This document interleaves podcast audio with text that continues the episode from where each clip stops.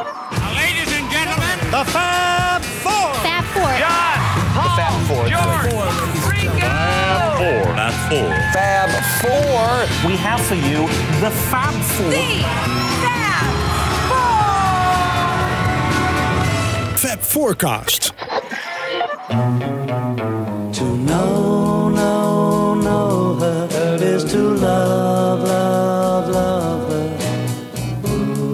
Just to see a smile makes my life worthwhile. It's just to know, know, know her is to love, love, love her.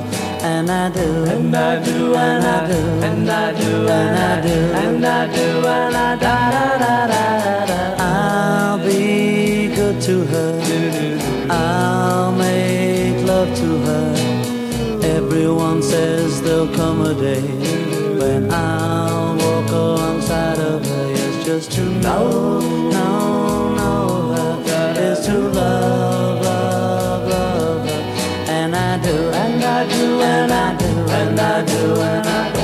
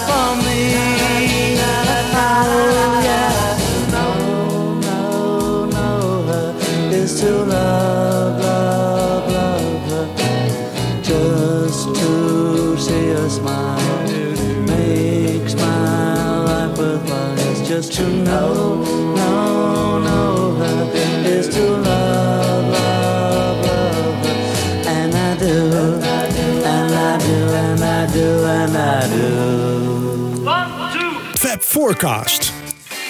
Ja, prachtig. Dit, dit eh, nummer opgenomen 16 juli 1963. In 94 verschenen op de eerste BBC-box. Een van de hoogtepunten daarvan denk ik toch wel. Dat waren de Beatles met To Know Her Is To Love Her. Zo Had je nog adem over? Dat je... Disjockey Michiel. Goed, eh, Jan Kees en Lilo, leuk dat jullie er ook zijn. Ja. Ehm, ja, mooi dit toch? Ja, Heel mooi. prachtig. Ja. Ja. Prachtig nummer. En Ja. een goede uitvoering. Ja, Ja. hoe teer Ja. John dat zingt ook. hè. Dat Ja, is, eh, ja, en eigenlijk niks voor John om zo te, Nee, te zingen. nee, echt prachtig. Ja. ja, nou de aanleiding om het hierover te gaan hebben is eh, dat we op eh, 16 januari jongsleden, dus 16 januari 2021, het bericht kregen dat eh, in een gevangenis in Amerika is overleden de legendarische producer Phil Spector. Ja, en soms overlijden er van die mensen van wie we denken, ja, dat is toch wel zo'n grootheid in de Beatles-geschiedenis. Daar moeten we een show aan wijden. En eh, dat gaan we nu dus doen met... eh, Ook nog aan corona. Ja, en corona. Ja, Ja. Ja, inderdaad. Ja. Nee, het is zeker eh, een, een, een belangrijk iemand, eh, denk ik toch wel, in de hele Beatles-geschiedenis. Ja, in Ja. de popgeschiedenis en zeker ook in de Beatles-geschiedenis. Ja. Ook ja, in die drie jaar, of zo, nou die twee jaar, 70, 71, 72, is hij bij veel grote solo-projecten betrokken. Omdat we nu de komende tijd gaan we zeker nog een keer een show doen over All Things Must Pass. Over de Plastic Ono Band eh, zal ook nog een keer aan bod komen. Ja. Daar, daar zit hij ook achter aan de productietafel. Dus we focussen ons een beetje op wat hij met Let It Be doet. Maar ook eh, eigenlijk in hoe zijn carrière er tot aan die tijd heeft uitgezien. En uh, gaan ons natuurlijk ook een beetje richten op ehm, ja, hoe tragisch het met hem afloopt. En ik heb uh, me vooral een beetje gericht natuurlijk op die uh, verhalen die iets van een Beatles tintje hebben. Maar dat is ook helemaal niet moeilijk, want uh, die zijn er genoeg. Ja, wat maakt hem nou zo uniek? Ik moest ook, ik heb, ik heb me een beetje gebaseerd ook voor deze show op een boek dat ik heb gelezen over hem, een biografie, The Tearing Down the Wall of Sound van Mick Brown. En die, uh, die zegt ook op een gegeven moment van ja, je hebt verschillende type producers. Hè? Je hebt de, de, de dienende producer, je hebt een soort documentalist die puur het geluid neerlegt op band en zorgt dat het goed, goed klinkt. En je hebt de producer die zelf een soort artiest is, die zelf een sound neerzet en die zichzelf helemaal het middelpunt maakt van de productie. Ja. En hij is natuurlijk echt duidelijk van het laatste uh, een voorbeeld. Wat zou George Martin zijn? Dus meer echt een, een soort mogelijkmaker, hè? Ja. Ja, dienend, ja, uh, ja, denk het wel. Wat, wat zij niet konden, kon hij wel. Ja. En in het begin denk ik dat George uh, ook sturend was. Maar later dat die, die rol verloor, nee. maar wel belangrijk. Hij heeft niet echt zijn eigen sound erop gelegd of zo. Hij was natuurlijk wat hij wel was, een arrangeur natuurlijk. Ja. ja. En dat was Phil Spector niet. Nee, hij was, geen, nee, hij was wel uh, muzikaal zeer getalenteerd. Maar als het om arrangementen ging, zeker in die beroemde Wall of Sound producties, hè, van, die zijn er zo'n beetje in de periode 61 tot 465, is het Jack Nietzsche, de grote man Oh, die ja. arrangementen uitschrijft. Maar gaf hij dan aan van ik wil het ongeveer zo hebben? Of liet hij dat aan Jack over? Um, nou, de, partij, de partituren werden dan uitgeschreven door Jack. En, maar ik denk inderdaad dat hij was zeg maar totaal primair en eindverantwoordelijk voor de sound. Ja. Dus hij heeft er zelf. Hij had gewoon, hij had ook een absoluut gehoor. Hij, hij wist gewoon, ik wil dat het op een bepaalde manier gaat klinken. En tot het zo klinkt ben ik uh, niet, ja, niet tevreden. Dus, uh, dus Nee. dat was wel iets wat hij echt bedacht. Ja. Ja. En dat is toch wel uniek. Ja, hij is natuurlijk als een soort. Uh, het, is, het is een genie, maar ook een, een gek. Natuurlijk heel tragisch. Uh, we moeten denk ik ook de, de persoonlijke geschiedenis van hoe het afloopt echt scheiden van wat hij voor de muziek betekend heeft. Want die betekenis was gewoon ontzettend groot. En hij heeft echt zijn stempel gezet op, uh, ja, op de Amerikaanse popgeschiedenis, denk ik, in het begin van de jaren 60 tot er een moment komt. En dat valt een beetje ook samen met de opkomst van de Beatles, gek genoeg. Uh, nou, niet, niet heel gek genoeg, want die, de Beatles die gooien natuurlijk het hele gebouw omver van ja, Brill Building. En, en mensen die nummers schrijven en die je dan laat uitvoeren onder leiding van een goede producer. Dat, dat hele concept, dat gooien de Beatles omver. Van ja, je bent gewoon zelf verantwoordelijk voor je eigen materiaal. Ja. En daar kom je het verste mee. Die formule raakt op een gegeven moment een beetje uitgespeeld. En dan is het ook de rol, de grote rol van Phil Spector wel uitgespeeld. En dan is eigenlijk, denk ik, de, de periode dat hij met de Beatles nog is, um, dus begin jaren 70, dat is zijn laatste echte grote opleving geweest. Ja, ja. Ja. Was hij nou vanaf het begin gek? Of is hij gekker geworden? Nou, het, is wel fascinerend als je dat, die biografie leest. Van, er zit, zit altijd wel, heeft altijd wel een soort steekje losgezeten bij hem. Uh, uh, van, van begin af aan al. Dat hij, had heel wispelturig. Dus hij kon uh, heel ja, vrolijk en uh, soort cabaret shows in de studio geven. En iedereen goed vermaken. Maar hij kon ook heel non-communicatief zijn en monomaan. En zich niets van iemand aantrekken. Hij was iemand die al heel vroeg in zijn leven heel veel vijanden heeft gemaakt. Dat begon al op de lagere school en op de middelbare school. Waar hij niet mee kon met de populaire jongens. Hij was natuurlijk ook een beetje, ja, ik moet altijd als ik hem zie, een beetje aan een muis denken of zo. Dat Ja. een muizige uiterlijk. En dat Ja.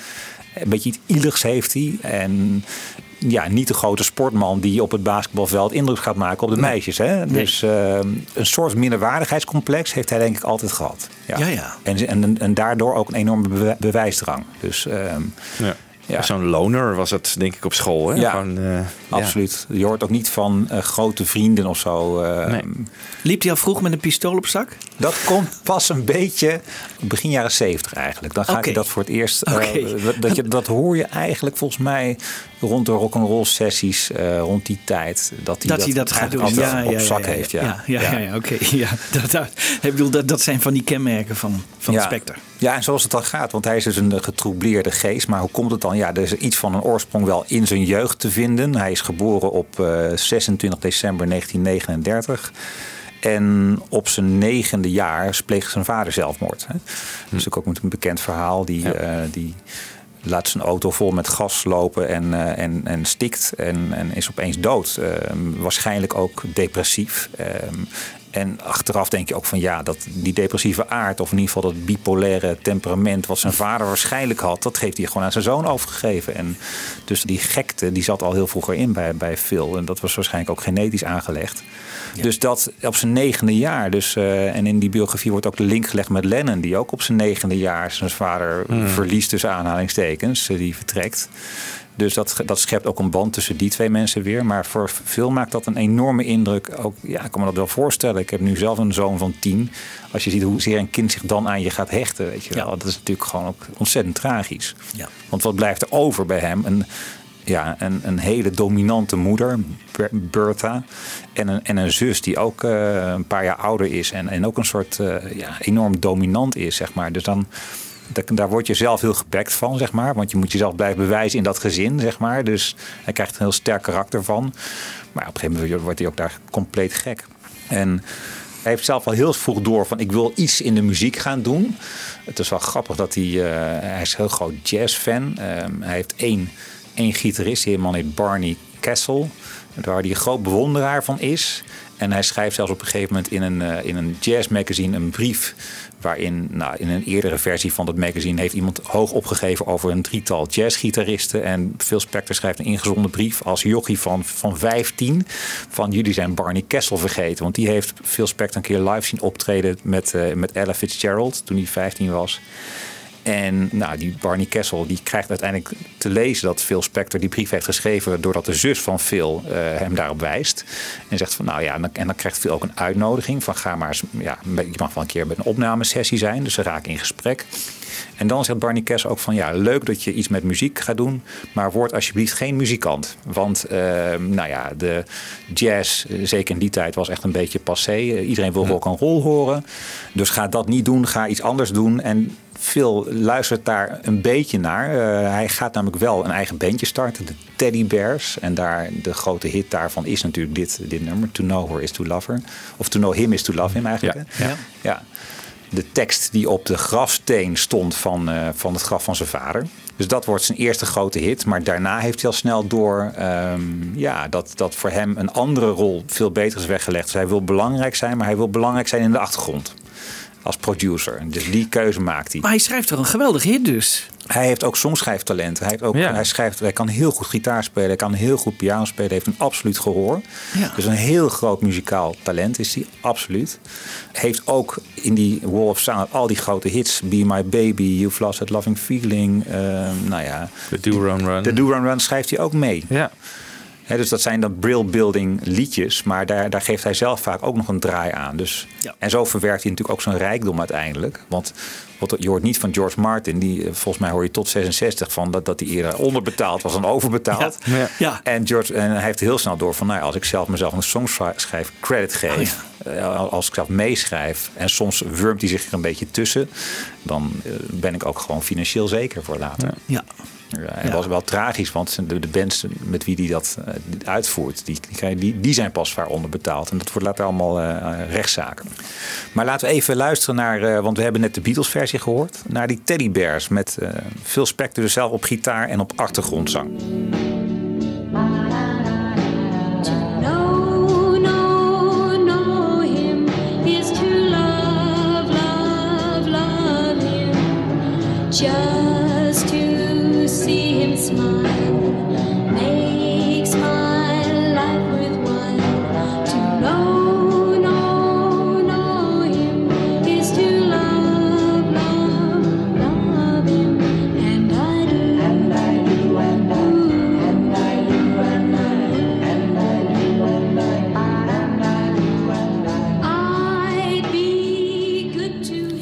Mierzoet, maar bloedmooi toch? Ja, zeker. Ja. Heel mooi. Ja. Ja. Ja, wordt op Midden jaren 50? moment- Nee, dit is volgens mij 58. Zoiets, Dus dan, dan, is hij 18 jaar oud. En dat Ja. is denk ik ook een beetje een probleem van Phil. Hij, hij piekt gewoon ontzettend vroeg. Dus al die grote productieklussen die hij doet... en die hele sound die hij neerzet, dan is hij 3, 24. Ja, en op een gegeven moment is het eh, moeilijk om dat vast te blijven houden als je niet eh, zelf ook uitvoerend bent. Want telkens een, zeg maar, zijn formule is eh, een goede band vinden eh, of een goede zangeres vinden. De muzikanten die waren er op een gegeven moment wel. Dat heeft hij heeft om, om zichzelf heen verzameld. Was dat dan die Wrecking Crew? Ja, die Wrecking Ja. Crew, Oh, ja. die is eigenlijk heel, die verzamelt hij om zich heen. Dus alle, alle grote mensen, nou ja, Carol Kay, Tony Tedesco, Hal Blaine vooral, hè, die speelt Drums. alle, alle, alle drums, alle dingen mee. Ja, we zitten eigenlijk in de tijd eind jaren 50, dus nou, ik zei het net al, hè, je hebt van die eh, schrijvers, de Brill Building, Coffin and King, Man and Weil. Eh, zo nog wat setjes, die schrijven de nummers. Eh, en Phil gaat het, die, die luistert of hij er wat in hoort. Kan hij er een hit mee scoren. Het is sterk single gericht, niet albumgericht. Het gaat echt om de single. En dan ook echt nog met name om de A-kant. Die Beatles hebben op een gegeven moment, die gaan je ook verwennen met de B-kant. Maar daar is veel totaal niet van. eh, die zegt je moet de B-kant niet laten afleiden van de A-kant. Dus dat, Oh ja. moet echt, dat is vaak echt broddelwerk. En het gaat om, om, om het spotten van goede zangers en zangeressen. En dat zijn dus ja, allerlei bandjes die uiteindelijk met die Wolf Sound worden ge- geassocieerd. Dus we hebben de Crystals, de Ronettes, eh, Bobby Sox en nog wat. Darlene Love. Darlene Love, ja. Eh, Lala Brooks, eh, Veronica Bennett en later nog Tina Turner. Dus de echte grote, grote zwarte zangeressen, die heeft hij gespot. En ja, dat was eigenlijk niet eens. Voor hem was dat niet echt cruciaal hoe die, welke artiest het was of zo. Het ging hem echt om de sound die hij wil neerzetten. Dus de muzikanten, die, die Wrecking Crew, waren eigenlijk veel belangrijker voor hem dan, die, dan Ja. welke stem het toevallig was in de studio. Ja. Ja. Hij was ook niet bezorgd over de toekomst van zo'n band. Dus de Crystals op een gegeven moment, als die hun netjes hebben gehad, een stuk of, eh, laten we zeggen, vier, vijf. Dan houdt het ook helemaal op. Liet je ze vallen. Ja, liet ze vallen. En er was door naar het volgende project, eh, de Ronettes. En dat was dan na, Ja. na vijf jaar was het ook totaal Ja. op eigenlijk. En in hoeverre werd zo'n single dan aan Phil Spector toegeschreven? Stond er ook op, eh, omdat hij eigenlijk gewoon de artiest was. Hè? Hij vond Ja. zichzelf ook de artiest van, eh, van zo'n Darlene Love bijvoorbeeld. Stond er dan ook groot op produced by Phil Spector? Of this is a Phil Spector production? Nou, dat was, die neiging had hij wel. Een bekend voorbeeld is zijn kerstplaat. Die komt uit in 1963. Althans, die zou zijn uitgekomen in 63 eh, als niet eh, eh, John F. Kennedy zou, zou, zijn vermoord. Dus uiteindelijk wordt dat nog even uitgesteld. Maar dat is A Christmas Gift to You from Phil Spector. Oh, ja. Weet je wel? Dus Oh, ja. niet from the Crystals, from the Ronettes of from, eh, weet ik veel, de, de Gold Star Studios waar hij alles opnam. Nee, het is echt van Phil. Hij, Ja. hij zet zichzelf neer als de, de, het creatieve brein Ja. van die sound. Dus hij is daarmee ook wel gewoon een beroemdheid, toch? Ja. In, eh, eh, voor Jan met de pet, die weet wie Phil Spector Wie weet is. wie Phil Spector is. Als hij in 64 ma- eh, gaat hij voor het eerst, hij had eh, een beetje vliegangst, maar dan gaat hij naar, naar Groot-Brittannië en wordt daar als een grootheid binnengehaald. Dus hij is de beroemdheid. Eh, de Ronettes toeren, maar ze doen dat onder zijn vleugels. Hij zit bij Jukebox Jury in het programma, weet je wel. Hij, hij doet interviews. ehm, en dus hij, hij weet de aandacht ook erg op zichzelf te richten. Ja. Maar dus niet alleen maar met, met zo'n cover, maar ook inderdaad in juridische zin van wie is de songschrijver mede. En dat is hij. En hij heeft een, ja, uiteindelijk richt hij Phyllis Records op. Dat is een eigen productiemaatschappij waar binnen al die singles uitkomen. Dus alle inkomstenbronnen die eh, komen bij hem binnen. Ja. Eh, dus dat weet hij wat dat betreft heel slim, ook zakelijk slim te doen. Ja. Ja, die formule, daar had ik het net even over. Hè. Dus Goffin en King schrijven een liedje en eh, eh, nou ja, eh, daar hoort veel wat in. En die, als er een hit in zit, dan gaat hij daarmee aan de slag met die Wrecking Crew. Eén aardige serie van, van hits die ik even wil noemen, omdat er ook een Beatles eh, randje aan zit. Dat zijn de Crystals. Eh, en die, daar neemt hij op een gegeven moment een nummer voor op. En dat heet He Hit Me and It Felt Like a Kiss. Eh, laten we dat even horen. Want dat is het begin van een serie over eh, nummers waar een soort uh, ja, uh, sadomasochistisch randje aan zit. Uh, het scheen zo te zijn dat Goffin en King, die hadden, uh, dat was een setje ook, hè, die hadden een, een kind. En die komt, op een gegeven moment komt de oppas bij hen thuis. En die is een beetje, die kijkt een beetje wazig voor zich uit. En uh, ze ziet, uh, die Carol King, die ziet dat hij dat is een beetje ja, een soort schrammen heeft, een soort, soort wonden. En uh, die vraagt zich af, wat is aan de hand met jou? Ja, hij, hij sloeg me, maar ik ben nog steeds ontzettend verliefd op hem. En daardoor raak ik dus geïnspireerd om dit nummer te schrijven. He hit me and it felt like a kiss. I had been untrue.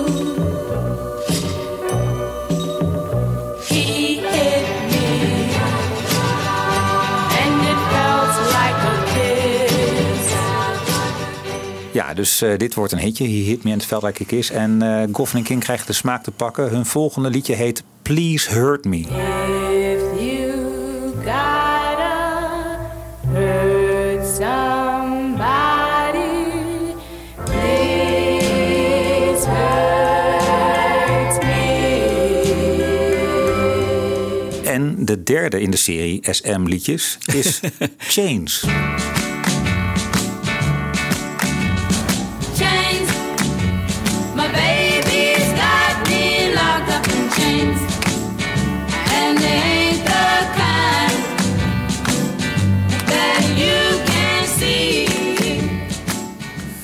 Die link had ik zelf nog nooit gelegd met dit nummer. Dat, Nee. eh, dat een soort eh, liefde, eh, het, zeg maar, het thema is liefde als een soort sadomasochistisch slagveld. nee, inderdaad. Ja, het scheen dat die dames ook niet moesten zingen. Met name dat eerste nummer, He Hit Me en het Felt Like a Kiss. Daar echt met, dat met grote tegenzin deden. Want eh, het, is, ja, het is nog wat om uit je strot te krijgen. Maar Maar hoe zou je die... Want het is al de wall of sound hier natuurlijk, hè? Denk je. Hoe Oh, zou je een dat... beetje, ja. Beetje. Beetje, ja. Want hoe zou je dat omschrijven? Veel reverb, denk ik, hè? ja, wat de Wolf Sound is, is eigenlijk... Nou ja, even beginnen om te beginnen. Hij wil in een liedje, in een popliedje, in een rock'n'roll liedje... wil hij iets groots neerzetten. eh, een beetje als een soort mini, mini, Wagner symfonie. Dat is eigenlijk zijn doel. Iets groots. Een groot geluid wil hij neerzetten. Dat is zijn doel. Dat kan je dan op verschillende manieren doen. Je kan zeggen, we gaan eindeloos overdubs doen. Dus we gaan gewoon een pianotrack opnemen. Dan plakken we hem volgens twee, drie keer op. Maar wat je ook kan doen, is gewoon niet één piano, maar twee, drie piano's in de studio. En dan gewoon zorgen dat eh, alle muzikanten aanwezig zijn. En we doen niet één gitaar. Nee, we doen er twee, drie, vier, vijf. gaan we tegelijk Gewoon- opnemen. En dan tegelijk opnemen.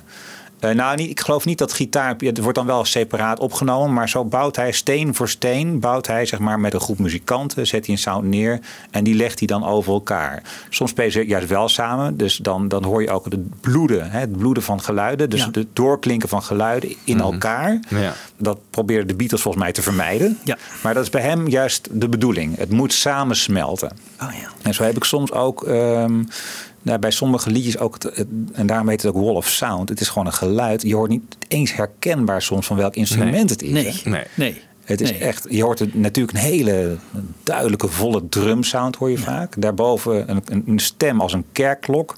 Maar daaronder hoor je, ja, het zijn blazers, gitaren, eh, piano's en een massieve sound. Ja, het is Helemaal van hem, hè? Ik bedoel, Ja. eh, Hij is Ja. niet geïnspireerd door iemand. Nee, of, nee, het is heel uniek. Ja, het is heel uniek. Het is echt zijn idee van een, een Wagneriaanse eh rock'n'roll liedjes. Dus in drie minuten een soort massieve sound neerzetten. Ja. Ja. Het gaat dus niet om de individuele instrumenten dat je die hoort, Nee. maar het gaat om het totale geluid. Dat is de sound die die. Ja. Ja. Het gaat dus ook niet, kijk, het gaat dus ook niet om de individuele muzikanten. Hij wil wel de topmuzikanten hebben, maar hij schroomt niet om die topmuzikanten zoals, nou, bijvoorbeeld die Barney Castle, die, die jazzgitarist, wordt uiteindelijk ook lid van die Wrecking Crew. Dus staat hij ook op die platen te horen. Dat is een virtuoos gitarist. Maar hij schroomt niet om die gitarist de meest simpele deuntjes, tien, tien, tien, tien, tien, gewoon een uur lang te laten spelen. Ja. Dat is helemaal niet, dat is geen probleem. Dat is allemaal ten dienste van het grotere product wat er moet komen. Ja. Maar als er dan toevallig iets moeilijks moest worden gespeeld, dan was het natuurlijk fijn dat hij wel topmuzikanten had. Dus daarom was het wel van belang je kan niet met een of ander beunhaas aan de slag gaan. Dat moet wel de absolute crème de la crème zijn. En in het begin is die sfeer ook heel goed. Want dan hebben ze allemaal door van jeetje, we spelen wel simpele dingen. Een van die muzikanten zegt ook van het is alsof je Picasso een deur laat schilderen. Mooi. Het is ja. heel, heel Ja. simpel, maar, maar eh, het moet wel goed gebeuren. Nou ja, die Wall of Sound, dat creëert hij. Dus het door, door elkaar lopen van die partijen. Het experimenteren met een drumsound. Hij ging soms ook vroeg de studio in. Dan ging hij de basdrum vol proppen met handdoeken, met stukken hout, met steen. Tot het precies zo klonk zoals hij het wilde. Dat had hij ook helemaal in zijn hoofd. Hoe zo moet het klinken. Dat was gewoon de grote klasse van Phil. Dat heeft hij uitgevonden. Dat bestond gewoon niet. Ja. En dat is een heel invloedrijke eh, sound ook geweest. Want later, dat spreek ik wel veel verder, maar Born to Run van Bruce Springsteen is gewoon eh Phil Spector beïnvloed. Gewoon de sound. Ja, ja, gewoon de grootsheid van. De, daarom heb ik niet zoveel met die plaat, moet ik ook eerlijk zeggen. En sowieso met Bruce Springsteen, gewoon te pompeus. Maar dat is wel het, eh, zijn invloed Ja. en stempel geweest. Ja. Ah ja. Of hele vette saxofoons bijvoorbeeld. Die hoor je bij Springsteen, maar die hoor je ook bij eh, Spector. Ja. ja. Nou, een mooi voorbeeldje daarvan, van die, van die hele logge, zware sound. Dat is het nummer Zip die Dooda. Eh, daar hebben we het al wel eens eerder over gehad in een show. Kom ik zo meteen nog op wat de link is. eerst laten we even horen. Het is een heel oud nummer uit eh, een Walt Disney film uit 1946. Eh, hoe dat nou origineel klonk. Without a song, jump right out of it. Zippity-yay. My, oh my, what a wonderful day. Plenty of sunshine heading my way. Zippity-doo-dah, zippity-yay. Phil wil er is iets groots van maken. Die gaat daar zo'n wall of sound saus overheen leggen. Die huurt drie gitaristen in, een fuzzgitarist, drie bassisten. Drie bassisten kan je je voorstellen. Twee saxofoons, een drummer en een percussionist en drie pianisten. Hal Blaine is ook op te horen, alleen maar op de basdrum, dus niet op de, de andere drums. En dan krijg je dus dit.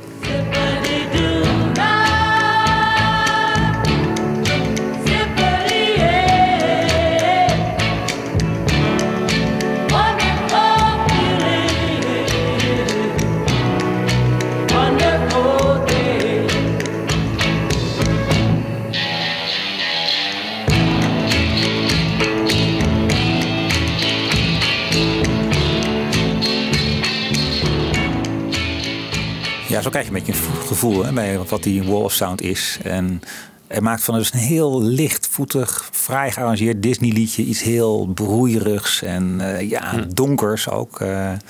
ja, dus dit is echt de stempel van Phil. Ehm, dat kan je niet anders zeggen. We hoorden in dit nummer een bepaalde gitaarsolo met een soort fuzzgeluid. Hè? Ja. Ja. Beetje ver weg. Klopt. Ja, ja. Nou, John Lennon en George Harrison waren groot, groot bewonderaars van Phil Spector. Van Paul hoor ik het in die vroege, al in die vroege jaren hoor je Paul er niet echt over. Die is volgens mij wel echt een Motown-fan, maar niet per definitie een Phil Spector-fan. En George die denkt dat geluid, dat geluid dat van die fuzzgitaar, dat zou ik nou graag op een Beatles-plaat willen reproduceren. En zo krijg je dus een van de weinige echt aantoonbare invloeden van Phil Spector in de Beatles-catalogus in het nummer Think for Yourself.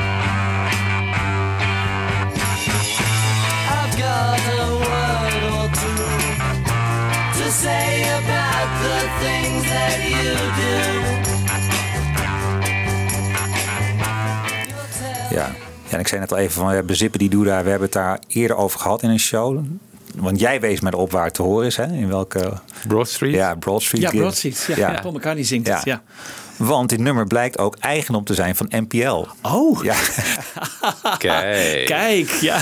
Dat doet hij dan toch weer slim. Dat doet hij heel slim, hè? Die de denkt NPL. van ja, Phil Spector, die liedjes die, die, eh, die Phil Spector weet uit te voeren, daar heeft McCartney uiteindelijk de rechten op. eh, ja. Geweldig, geweldig. Oké, dus dan, nou ja, zo zet hij zo'n wall of sound zet hij neer. Ehm, de zang komt er dan vaak bovenop en wordt er bovenop geplakt. En dan maakt hij er gewoon één massief geluid van. één massief brok eh, sound. En dat is, eh, zoals hij dat noemt, back to mono. Dus we gaan het helemaal mono weer Ja. En zo krijg je dus die, eh, die liedjes die inderdaad in de auto heel lekker klinken. En op transistorradio's. Dat was ook het doel van Phil Spector. Van, het is natuurlijk makkelijk om het in een studio lekker te laten klinken. Maar zijn doel was en zijn uitdaging en ook zijn probleem, zeg maar. Van hoe ga je nou die sound Ja. op van die mini transistorradiootjes zo groot laten klinken. Ja. Die hoorde heeft hij natuurlijk heel succesvol genomen. Ik had even autopech, zoals jullie weten. Een lekke achterband. Dat was wat vertraagd hier. En ik reed weg en ik heb toch even die, een, een, een playlist van Phil Spector opgezet. Het klinkt in de auto ook gewoon geweldig. Hoe je installatie ook is, eh, weet je wel. Ja. Ja. Ja. Mixte die dat dan ook op zo'n klein speakertje? Dat deden ze ook wel eens in die tijd. Hè? Dat, hoe klinkt het op een klein speakertje? Dus Ja, dat dat probeerde hij ook wel. Bij, bij de Beatles later komen we daar nog op terug. Kijk. Maar volgens mij probeerde hij al in de studio precies het zo te laten te mixen. Ook zodat hij hoort van, nou, is, is wat ik in mijn hoofd hoor, heb ik dat nou zo'n beetje nu benaderd? Ja, even over die artiesten. Ehm, we hebben nu een fragmentje van wat, hoe kijkt hij nou tegen artiesten aan? Want eh, dat is ook wel opvallend. Hè? Bij George Martin bijvoorbeeld is zijn leven lang gewoon toegewijd geweest aan de Beatles. Eh, is daar totaal mee verbonden geraakt. Maar bij Phil zit dat dus totaal anders. Hij kijkt er ook anders, heeft een andere filosofie en andere insteek. Is that a bit like Hitchcock? He kind of saw his actors as slightly troublesome instruments. He wasn't expecting them to be the story. He saw them as a part of a whole fabric. Yeah, part of a picture, part part of it. That's why that saying that's attributed to him about actors being cattle. I don't think he meant it in that form and sense. It's just like my artists. They all, any one of them could have been replaced by either one, because the production always carried the power of the art was always in the recording. That's why the recordings live on today, 45 years later, whereas most of the other rock and roll quote unquote records are just records from the 60s. And they're art, but they're the difference between Da Vinci and other artists of his time. The difference between Bach and other artists, composers of his time. I believe, he said modestly. Zo. Inderdaad, eh, wat onbescheiden. Hè? Ja. Nee, maar artist as cattle, dus als, als vee eigenlijk, Ja. zegt hij eigenlijk met Ja. zoveel woorden. Nou, ja, daar citeert hij dan toevallig wel eh, Hitchcock, maar, maar dat is ook zijn filosofie. Het gaat echt om de inwisselbaarheid. Het gaat er gewoon om het vinden van de goede stem. Die wil hij op de plaat krijgen. En ehm, nou ja, als het dat zijn doel heeft gediend, dan, eh, dan over naar het volgende project. Ja. Dus met de Crystals, de eerste, eerste grote meidengroep. Die maakt hij heel groot met een paar grote hits. En daarna zijn het natuurlijk de Ronettes. Zeker. En die zijn vooral bekend van eh, het nummer Be My Baby. Medegeschreven door, eh, door Phil Spector, die dan ook een oogje krijgt op eh, Veronica Bennett. Dus een van de leadzangeressen van de, van de Ronettes. Schrijft dus het nummer Be My Baby. En dat schijnt ook een beetje een soort... ehm, ja, hij wilde ook echt dat zij zijn baby werd. Dus eh, dat Ja. is natuurlijk uiteindelijk ook eh, geworden. Ronnie Spector werd dat natuurlijk. Ja. Ja. dat werd uiteindelijk Ronnie Spector. Ja, ehm, we kunnen dat laten horen. Een stukje, ja, dat heb ik ook gevonden op YouTube. Er zijn weinig outtakes van. Hij was ook absoluut op gericht dat er niet eh, in het productieproces al opnames werden gemaakt van hoe hij die lagen bouwt. Hè, hoe hij die, hoe die, die muur neerzet. Maar we hebben wel, en dat vind ik toch wel aardig, een instrumentale versie van Be My Baby.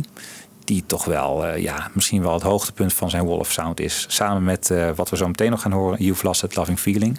Maar misschien eerst even Be My Baby instrumentaal een stukje laten horen.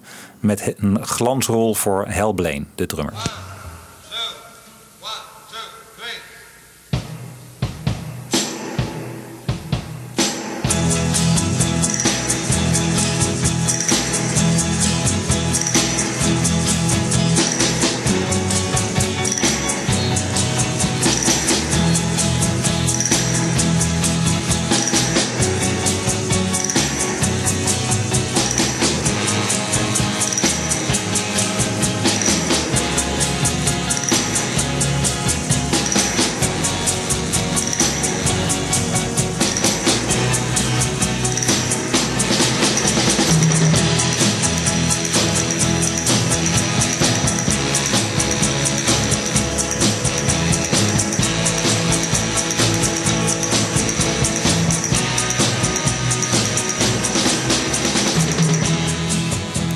Dus de Ronettes, Be My Baby. Althans, de, de Wrecking Crew. Juist niet de Ronettes. Ehm, ja, en dat valt ook een beetje mooi samen met de opkomst van de Beatles in Engeland natuurlijk. Eind 63, eh, begin 64 ehm, komen de Beatles naar Amerika. Maar begin 64 is Phil Spector, ehm, als de Ronettes toeren in Groot-Brittannië, is Phil Spector in Engeland. Ja. Gaat daar toeren, dat vertelde ik net al. En dat is ook wel weer eh, een, een mooi verhaal wat ik weer las in een ander boek. De biografie van, eh, van Ronnie Spector, Be My Baby.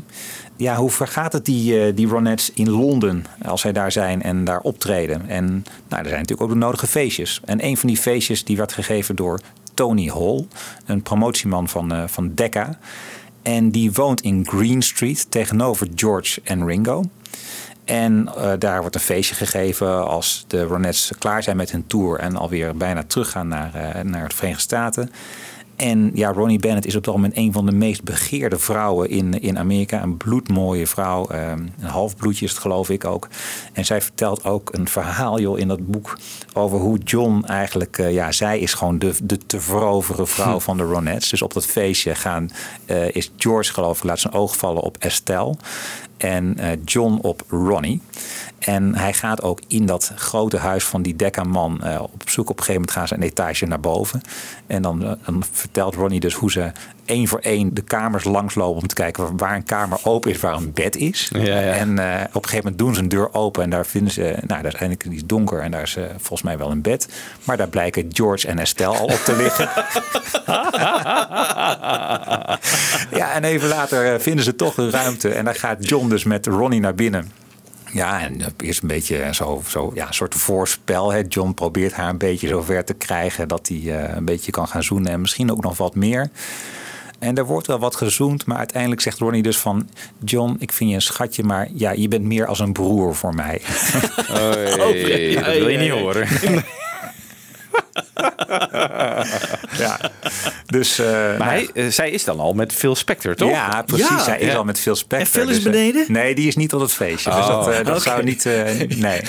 Dan mag je vrezen voor je leven, Ja. volgens mij. ja, goh. Nee, dus ehm, zij is, heeft, al, heeft al iets met Phil Spector rond die tijd. Maar dat wordt ehm, dus... eh, dat John en Ronnie, dat, dat is uiteindelijk dus met een... is nergens op uitgelopen. Maar Phil is aantrekkelijker dan John. Eh, nou, Voor Ronnie. Ja, voor Ronnie. Ja, nee, ik, ik denk dat ook echt... Zij was op dat moment... Hoe oud zou ze zijn geweest? Misschien 19, 20, joh. Piepjong. Ja. En dat ging, in die zin was zij ook een beetje eh, misschien. Hè, want al die liedjes van Phil, eh, van, waar, van de Wall of Sound, zijn allemaal, het gaat allemaal over vroege tienerromantiek.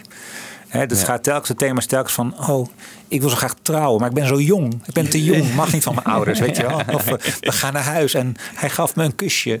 Eh, en zij vertelt volgens mij ook in het boek van, eh, ik moest dat, of nee, dat was Lala Brooks. Die zegt van, ik moest, eh, then he kissed me. Terwijl ik zelf nog nooit een zoen had gegeven, weet je wel. Ja. Dus die, die meisjes allemaal piepjong. Ja. Ook Be My Baby, Baby I Love You. Qua thematiek heeft het allemaal weinig. Maar het hele arrangement omheen, dat maakt het heel goed. En misschien dat, dat Ronnie, voor Ronnie dat ook wel meespeelde. Dat hij dacht van, nou ja goed, ik heb toch ik heb mijn man gevonden. En veel wil met Ja. mij. En Ja. hij had ook zeker charmante kanten. Hij had zich nog niet van zijn meest wacky kant laten zien. Nee.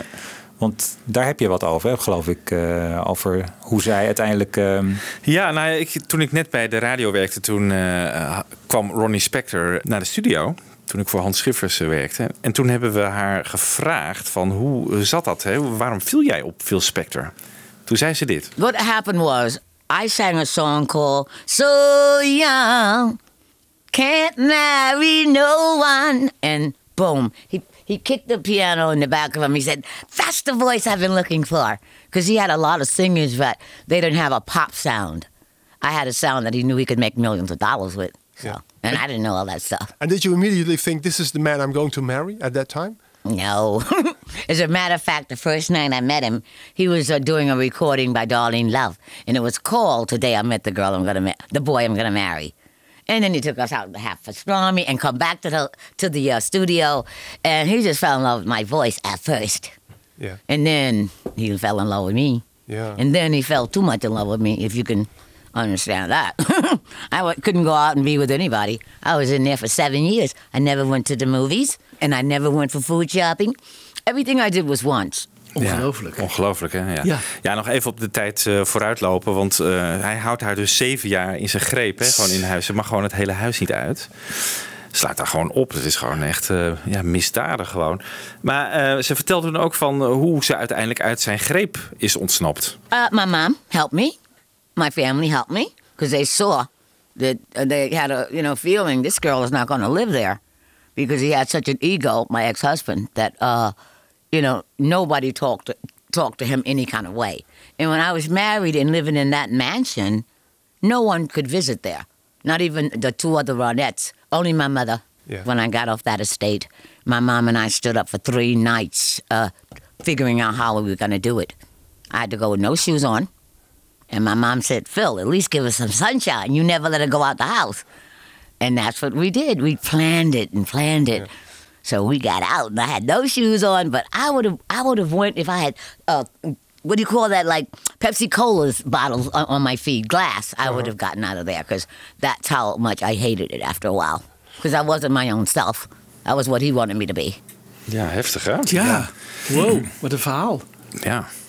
Hoe oud was ze toen jullie eh, ongeveer haar eh, interviewden? Dit was in maart 2006. Dus eh, nou ja, ga maar na. Ik weet niet uit welk jaar ze komt. Maar dit is, eh, ja, ze had toen net Eh, een nieuw nou ja, album als, ze- uit. Als ze 20 was in 64. Dan tel je daar 40 jaar bij op. 60 ja, 60 plus. ongeveer. Ja. Ja. Ja. ja.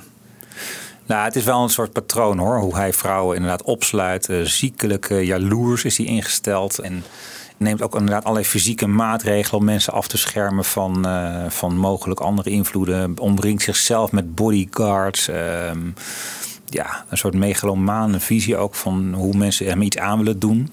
Zelfs als hij uiteindelijk de, de Let It Be tapes gaat, gaat aanpakken en die klus krijgt, heeft hij een bodyguard bij zich, weet je wel. Tot Ja. zegt Peter Brown ook tegen hem van joh, eh, het is hier echt niemand die jou iets aan wil doen. hoor. Eh, Doe even normaal. Ja. ja, maar ja, dat kun je dus terugleiden tot zijn jeugd, denk ik, Ja. toch? Hè? Dat is gewoon... eh, Ja, het is eigenlijk inderdaad een beetje die bewijsdrang. En dan heeft hij zichzelf bewezen. Hij komt dan ook terug op schoolreunies en zet zichzelf heel erg neer als de man die het helemaal gemaakt heeft. En daar hoort dan ook bij dat je, body, dat je je laat omringen door bodyguards. Ja. Ja. Dat is een soort beeld wat hij heel graag wil neerzetten. Ja. Maar goed, daar zijn we nog niet. Want we moeten Nee. eerst even, hè, eind 63, ehm, dus die Ronettes, eh, die, die zijn dan eigenlijk, ja, daar heeft iedereen het over. Toeren in Engeland. De Beatles gaan dan natuurlijk naar New York. En wie zit er ook in het vliegtuig? Ja, Phil Spector. Ja. Die, eh, jij zei het al even, hij heeft vliegangst. En hij denkt van, nou, ik moet terug naar Amerika en de Beatles gaan naartoe. Dan is dat wel een redelijk safe, eh, plek om in hetzelfde vliegtuig eh, te zitten als de Beatles. Dus hij denkt van, nou, ja, de Beatles gaan niet neerstorten, dus eh, ik ga lekker met hun mee. En nu vond ik in een boekje, dat heet The Beatles Progress van Michael Brown. Dat is ook een boek uit 1964. Een leuke soort Hard Day's Night, maar dan in boekvorm. Dan, die, die journalist die gaat gewoon met hun mee. En dan zitten ze dus in het vliegtuig. En dan zit eh Phil Spector in de buurt van Paul. En dan zegt Paul dus... eh, Since America has always had everything... Why should we be over there making money? They've got their own groups. What are we going to give them that they don't already have? Dat vraagt hij dus aan Phil Spector. En Maureen Cleave zit daar ook bij. Ook journalist natuurlijk van de Evening Standard. Die, eh, die zegt... Um, he turned around and told Paul not to worry. You'll go like a bomb in America. En Spector die denkt... What? I said they go like a bomb, said Miss Cleave. Someone came over to explain that what in England was a sign of confidence meant exactly the opposite in America. And the plane continued on its journey. Dus Phil dacht echt van, eh, bom, bom, wat, wat? Gaan we neerstorten? Een verschil in, eh, in uitdrukking in Amerika en Engeland. Ja. Geweldig. Maar het is eigenlijk het enige contact tussen Phil en Paul wat ik mij, Ja. eh, wat, waar ik iets van gelezen heb. Ja. Deze passage. Ja. Voor de rest ja, moest hij inderdaad, in tegenstelling tot John en George, niks van, Nou, van John en George, hebben. en niet alleen John en George, want bijvoorbeeld ook Brian Wilson, hè, dat wordt een mateloze Phil Spector bewonderaar. Zeker, maar dat Eh, hoor je ook aan zijn geluid wel Ja, van, eh, dus, van de dus Beach die, Boys. natuurlijk. Wel anders, hè? want bij eh Pet Sounds hoor je juist heel erg de individuele muzikale kwaliteit. Dus hij licht Carol Kay eruit. Hij wil haar springende bas horen. Ja. Hè? En eh, ook qua gitaar, eh, wat- nou ja, wat dan ook, eh, piano's. Het is een heel frisse, een heel andere manier van omgaan met die Wall of Sound. met, sorry, met, met de Wrecking Crew. Maar ook daarna in optredens, live optredens rond het jaar 2000 speelt hij Be My Baby. En zegt hij van, ik heb, en dat is voor, voor Brian Wilson het absolute summum van wat Ja. in de popmuziek is gepresteerd. Ja. Dus dat, dat nummer. Je leest in het boekje bij All Things Must Pass van George Harrison, de, de, niet de eerste versie, maar die, de remasterde versie uit, eh, nou weet ik welk jaar, ook ergens rond die 2000. tijd, 2000 Ja. ook van eh, de grote bewondering van George nog steeds dan voor Phil Spector. Ja. Dus hij heeft bij, bij heel veel mensen een enorme reputatie. eh, en eigenlijk denk ik dat George vooral heel veel goede herinneringen aan hem heeft. En John lange tijd ook. Maar bij Paul is het gewoon mis. Maar daar, goed, daar komen we nog op. Maar bij Paul is het nooit een heel warme relatie geweest, Nee. volgens mij. Nee. Maar misschien, ik denk dat Paul ook niet het in zijn aard heeft om heel erg bewonderend te zijn eh, met bepaalde personen. Ja. Toch? Dat is niet. eh, Nou, met Brian Wilson. Brian Wilson Ja, is, de enige, ja, ja, ja. dat is een soort ja. muzikale broer voor hem. Ja, Ja. Ja. Maar hij was Ja. meer, hij vond bijvoorbeeld, weet ik veel, een lekkere Motown sound op een singeltje die in een dag werd opgenomen in plaats van eh, na, na, na tien sessies met, eh, met 50 muzikanten. Ja. Vond hij net zo goed. ja. Want die Motown sound, dat is natuurlijk ook wel echt een beetje de Phil Spector sound, toch? Ook al zat hij daar niet achter de knoppen. Ja, weet ik niet hoor. Of dat, is dat echt een Wolf Sound, eh, zeg maar, geluid? Ja, ik vind het ook wel wat, eh, wat gedrenkt in, in echo, in reverb. Ja, ja. Maar dat massieve, dat is wel echt uniek voor Ja. die singles die hij heeft gemaakt, eh, denk ik. Ja, Maar dat hoor je bij, eh, want Brian Wilson maakte volgens mij ook gebruik van die Wrecking Crew, hè? ja zeker. Ja. Dus dat is, eh, en eh, California Girls is natuurlijk ook echt wel zo'n massief geluid. Ja, Dus eh, ja, inderdaad. ja klopt. Ja, Ja, die hele ritmesectie. Ja. Ze zijn ook altijd heel lekker om gewoon zonder vocalen te luisteren. Het zijn echt gewoon mini, eh, ja, ook dat zijn echt zo'n mini symfonietjes eigenlijk. Teenage. Symphonies, toch? Ja. Ja. Maar ik vind het grappig als je dus nu... Ik dacht, ik ga eens kijken van wat, hoe zie je de Beatles nou de vliegtuigtrap afkomen op 7 Oh, ja. februari 64? Waar is Phil dan? Ja, ja. ja. je moet eens gaan, eens gaan zoeken. Maar hij staat gewoon op die trap bovenaan. Ja. En eh, op een gegeven moment staan ze beneden een beetje te zwaaien van omhoog kijkend. En daar zie je ook een man met een Beatles-achtige cap op, weet je wel, die je later uit Hard Day's Night kent.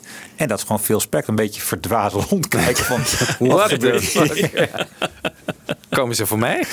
Ja. Nou, dat is een beetje ook wel de, de, de soort bewondering die hij heel graag eh, wilde hebben. En Ja. niet in die maat heeft gekregen ooit. Eh, dus, dus je bent natuurlijk als producer niet de man om je te laten toejuichen door de massa's. Nee. Terwijl hij dat wel wilde.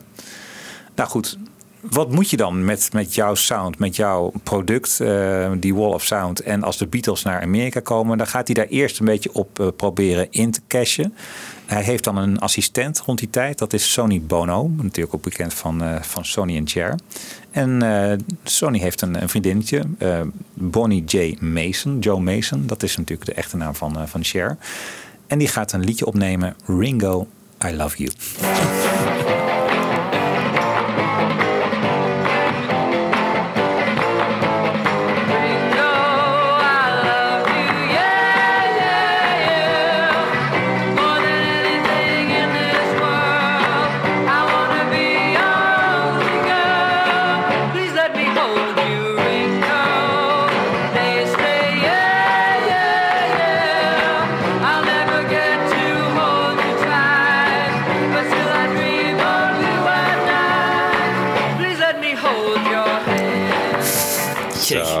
Was dit de eerste single van Cher? Volgens mij wel. Ja, ja, het is ongelooflijk. Die, die hoor je niet zo vaak. Je hoort wel de andere Beatle eh, Nee. nummers, maar dit nummer komt Hij neemt niet wel een beetje afstand van de Wall of Sound. hier. Ja. Het is echt Ja. een Beatle-geluid wat hij hier dan ja, doet. Ja, precies. Ja, ja hij Precies. probeert daar iets mee te doen. Ja, Ja, ja. ja en Wiebo, jij kwam met een ander eh, liedje uit, uit maart 64. Dat hij opneemt met The Treasures. Ik heb er nog wat geprobeerd wat informatie op internet te vinden over deze band. Maar zelfs, op, eh, zelfs Google laat het volledig afweten. Ehm, Ja, obscuur. Ja, Hold Me Tight heeft hij eh, met dat beentje The Treasures eh, opgenomen. Laten we even luisteren.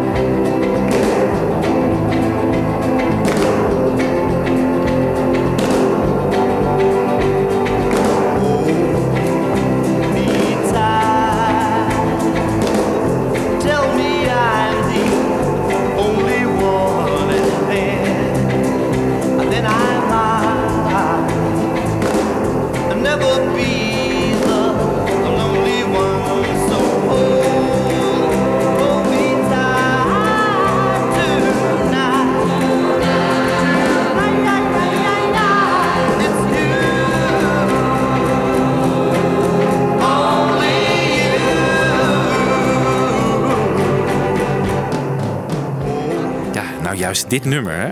Ja, ik heb het nooit onder stoelen of banken gestoken natuurlijk. Dat ik eh, dit een van de minste Beatles nummers eh, vind aller tijden. Maar eh, ja, veel dus niet. nee. Nou, geen grote hit geloof ik. Maar Nee. Nee. je merkt wel een zekere worsteling van, van Phil Spector met, met die nieuwe sound, die frisse sound van de Beatles. Die ook telkens zeg maar evoluerende sound. Van album naar album toe wordt het natuurlijk steeds eh, meer sophisticated wat de Beatles doen. Terwijl ja, Phil kan één ding heel goed. Dat is toch die studio als een soort instrument Ja. gebruiken. Ja. Eh, maar het is ook een, volgens mij een heel bewerkelijk product. Ik zei dat net al, van je moet dus het goede nummer hebben. Dan moet je de muzikanten weer bij elkaar rapen. Dat zijn er misschien wel 30 of zo in die Ini Mini Goldstar Studios gepropt allemaal. En dan moet je dus de, de goede zangeressen weer bij vinden. Dat is allemaal een heel bewerkelijk proces. Waar Ja. je telkens natuurlijk weer moet opleven naar een soort standaard die je voor jezelf hebt gesteld. Van het moet wel weer richting de nummer 1 gaan. Ja. En daar merk je gewoon van, nou ja, dat, dat kan hij een, een paar jaar lukt hem dat. En op een gegeven moment houdt het een be- droogt dat een beetje op. Zijn laatste echte grote hits aan de, aan de productieknoppen, waar hij aan de productieknoppen zit, dat is eh, You've Lost That Loving Feeling van de Righteous Brothers. Ja.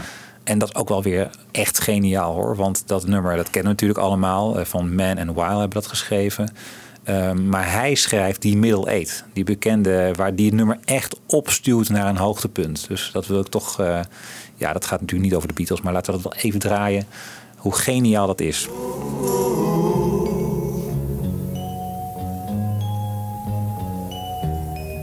Baby, baby, I'd get down on my knees for you.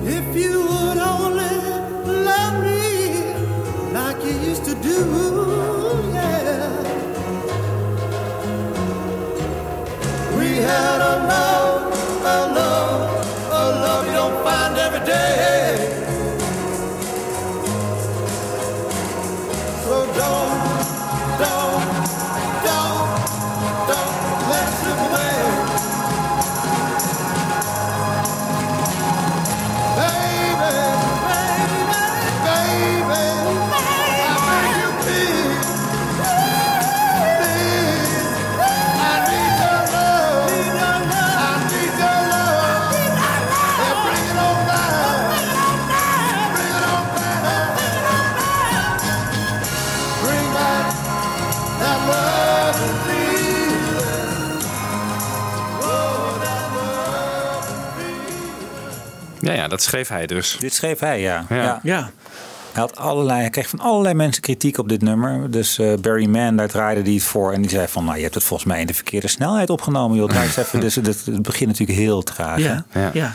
En ehm, die eh, Bobby Hatfield, dus eh, een van de twee eh, Righteous Brothers, die, die klaagde vooral dat hij pas zo laat in het nummer mocht invallen.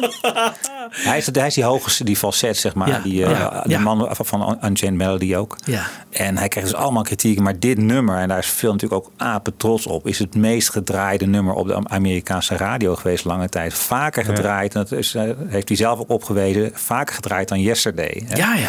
Dus ik heb Lennon en McCartney verslagen. Dus ja, dat is weer die Oh, ja. bewijsdrang. Ja. Weer dat, dat complex. Dat gewoon, ik kan het beter nog. Dat heb ik gedaan. Hè? Ja. Dat is gewoon zijn, hoe hij zijn nagedachtenis eh, wil, wil neerzetten. Ja. En het schijnt ook dat die Wright Brothers die hebben in de eerste tour van rond Amerika, augustus, september 64, hebben in het voorprogramma van de Beatles gestaan. Ah. Ja, ja. En op een gegeven moment, eh, ja, dat was voor zo'n fijngevoelig eh vocaal duo. Verschrikkelijk. Ja, Want eh, ja, die, die, die grote stadions, die wilden natuurlijk alleen maar de Beatles horen. ja. George Harrison heeft er En later... deze sound is waarschijnlijk niet te reproduceren op Nee, toneel, hè? nee. dat niet. Nee. Nee. nee. Nee. Ze hebben zich teruggetrokken, toch? Ze hebben inderdaad, Oh, ja? op een gegeven moment zijn ze gestopt, ja. Ja, ja. ja ze dachten van dit... eh, Hier is geen begin aan. Dit is echt voor ons geen eer aan te behalen. Ja, George Harrison zei ook, maar dat klopt volgens mij niet helemaal. Van ja, zij speelden dan eh You've Lost a Love and Feeling. En dan kwamen wij met een Chinook helikopter het, eh, het veld op. Ja, dat was in die tijd nog niet zo, volgens mij. Nee, dus, 64. nee, klopt. En dat nummer was ook pas van een jaar later. Dus maar Ja, goed, ja, eh, oh, ja, ja. het geeft wel een soort beeld. Ja. eh. ja. ja. Nou ja, het was ook een nummer van, wat dat is ook weer een trucje van Phil Spector. Het duurde 3 minuten 46. En wat zet Phil Spector op het singeltje? Dat het nummer 3 minuten 5 duurt. Dat het eh, voor de discjockeys die het dan opzetten, die denken van nou ja, dit, dit kunnen we nog net draaien. Ja, precies. Ja, ja. Ehm, oh ja. Slimmigheidje. Slimmigheidje, ja. Ja. Ja. Wel een strenge scheiding in de stereobeeld, hè? Rechts de violen, Ja. links. Ja, terwijl het toch back to mono was eigenlijk, toch? Ja. ook, dacht ik ook. Ja, dit nummer vind ik ook niet zo'n. eh, is ja, daar zitten zeker ook wel die, die grote muzikanten op. Maar eh, daar, dat is veel fijngevoeliger of zo Hmm. qua instrumentatie dan eh, die Ja. Wolf Sound. Ja. Ja. Nou, dan hebben we nog één. Want rond 66 gaat het al een beetje. Wordt het steeds moeilijker om, om vast te houden aan dat format. Waarom? Eh, want nou ja, wat ik al zeg. Het is hij scoorde toch hits ermee? ja, maar op een gegeven moment, eh, het is dus heel bewerkelijk. Je moet Ja. de goede nummers telkens vinden. Hij kan zelf al wat schrijven, maar het is niet zo dat hij allemaal zelf uit zijn mouw schudt. En dat muzikale landschap, dat verandert zo raar en ja. snel. Dat wordt Ja. gewoon Ja, ook ja. wel geen psychedelica, weet je wel. Weet ik veel, Tomorrow Never Knows. Ja. Ja. Ja. Ja. Dat kan hij niet, eh, dat heeft hij niet in zijn vingers. Nee. En ook niet, eh, ja, dan ben je toch ook alleen maar, toch maar de producer. En afhankelijk van wat je om je heen weet te verzamelen. Ja. Dus dat is, eigenlijk is het de formule Spectre denk ik een beetje uitgewerkt rond 65 al. Maar nog wel een opleving dus met dit nummer. Maar ook in 67 met eh Ike en Tina Turner met River Deep Mountain High. Ja. En dat wordt eh, ook weer een gigantische klus met Jack Nietzsche. En eh, nou ja, een enorme, dan moet je de verhalen maar eens op internet nazoeken. Een enorme grote productie. Ook dit is weer een voorbeeld van, nou ja, luister eens naar dat begin van dat nummer. Laat ons een kort stukje horen.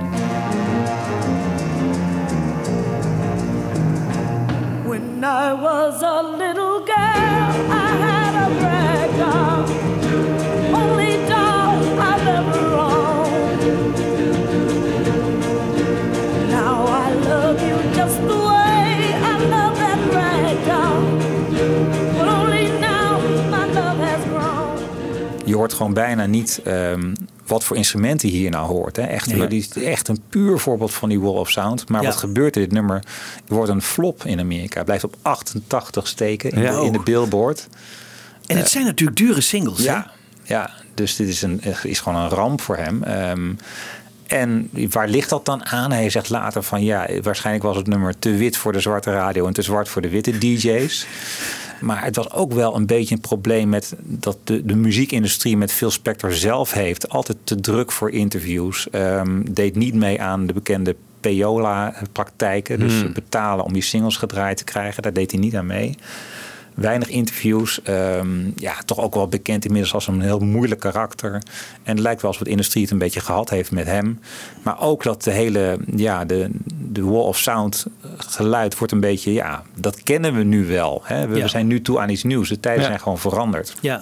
Maar dat nummer krijgt dus later een revival eigenlijk. Ja, het is, eh, ik heb ook zo'n mojo ergens uit, weet ik veel, 97. Dat gaat dan over de 100 beste singles aller tijden. Staat op nummer 8, weet je wel. Dus het is een enorm, eh, het heeft wel, net als Pet Sounds eigenlijk, het ook gev- Of geflopt. scoorde het buiten Amerika beter dan... Ja, Volgens mij wel, ja. Precies, Ja, ja. het was nummer 1 in Engeland. Ja, dus, ja. eh, Ja, En in Nederland nummer 9. Dus in Nederland was het ook een hit. Ja, ja. ja.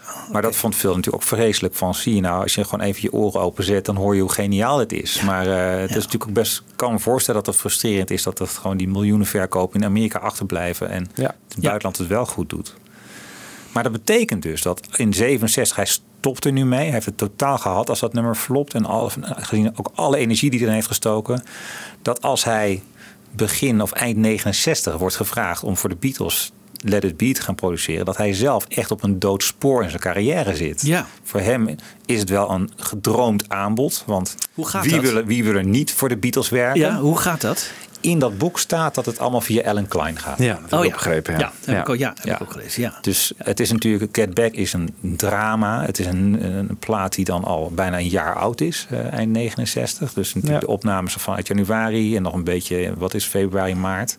Maar eh, er is niks van gekomen. Een enorme berg opene opnames. Ehm, de idee natuurlijk van we moeten een hele rauwe sound neerzetten. Maar wat Glyn Johns uiteindelijk bij elkaar weet te rapen, kan de Beatles niet bekoren. Ook George Iemand- Martin niet. George Martin Nee, maakt ook nog... George eh, Martin ook niet. Nee, nee, nee. Iemand moet het project vlot gaan trekken. En Alan Klein zegt van ja, dan weet ik nog wel iemand. En dat wordt veel.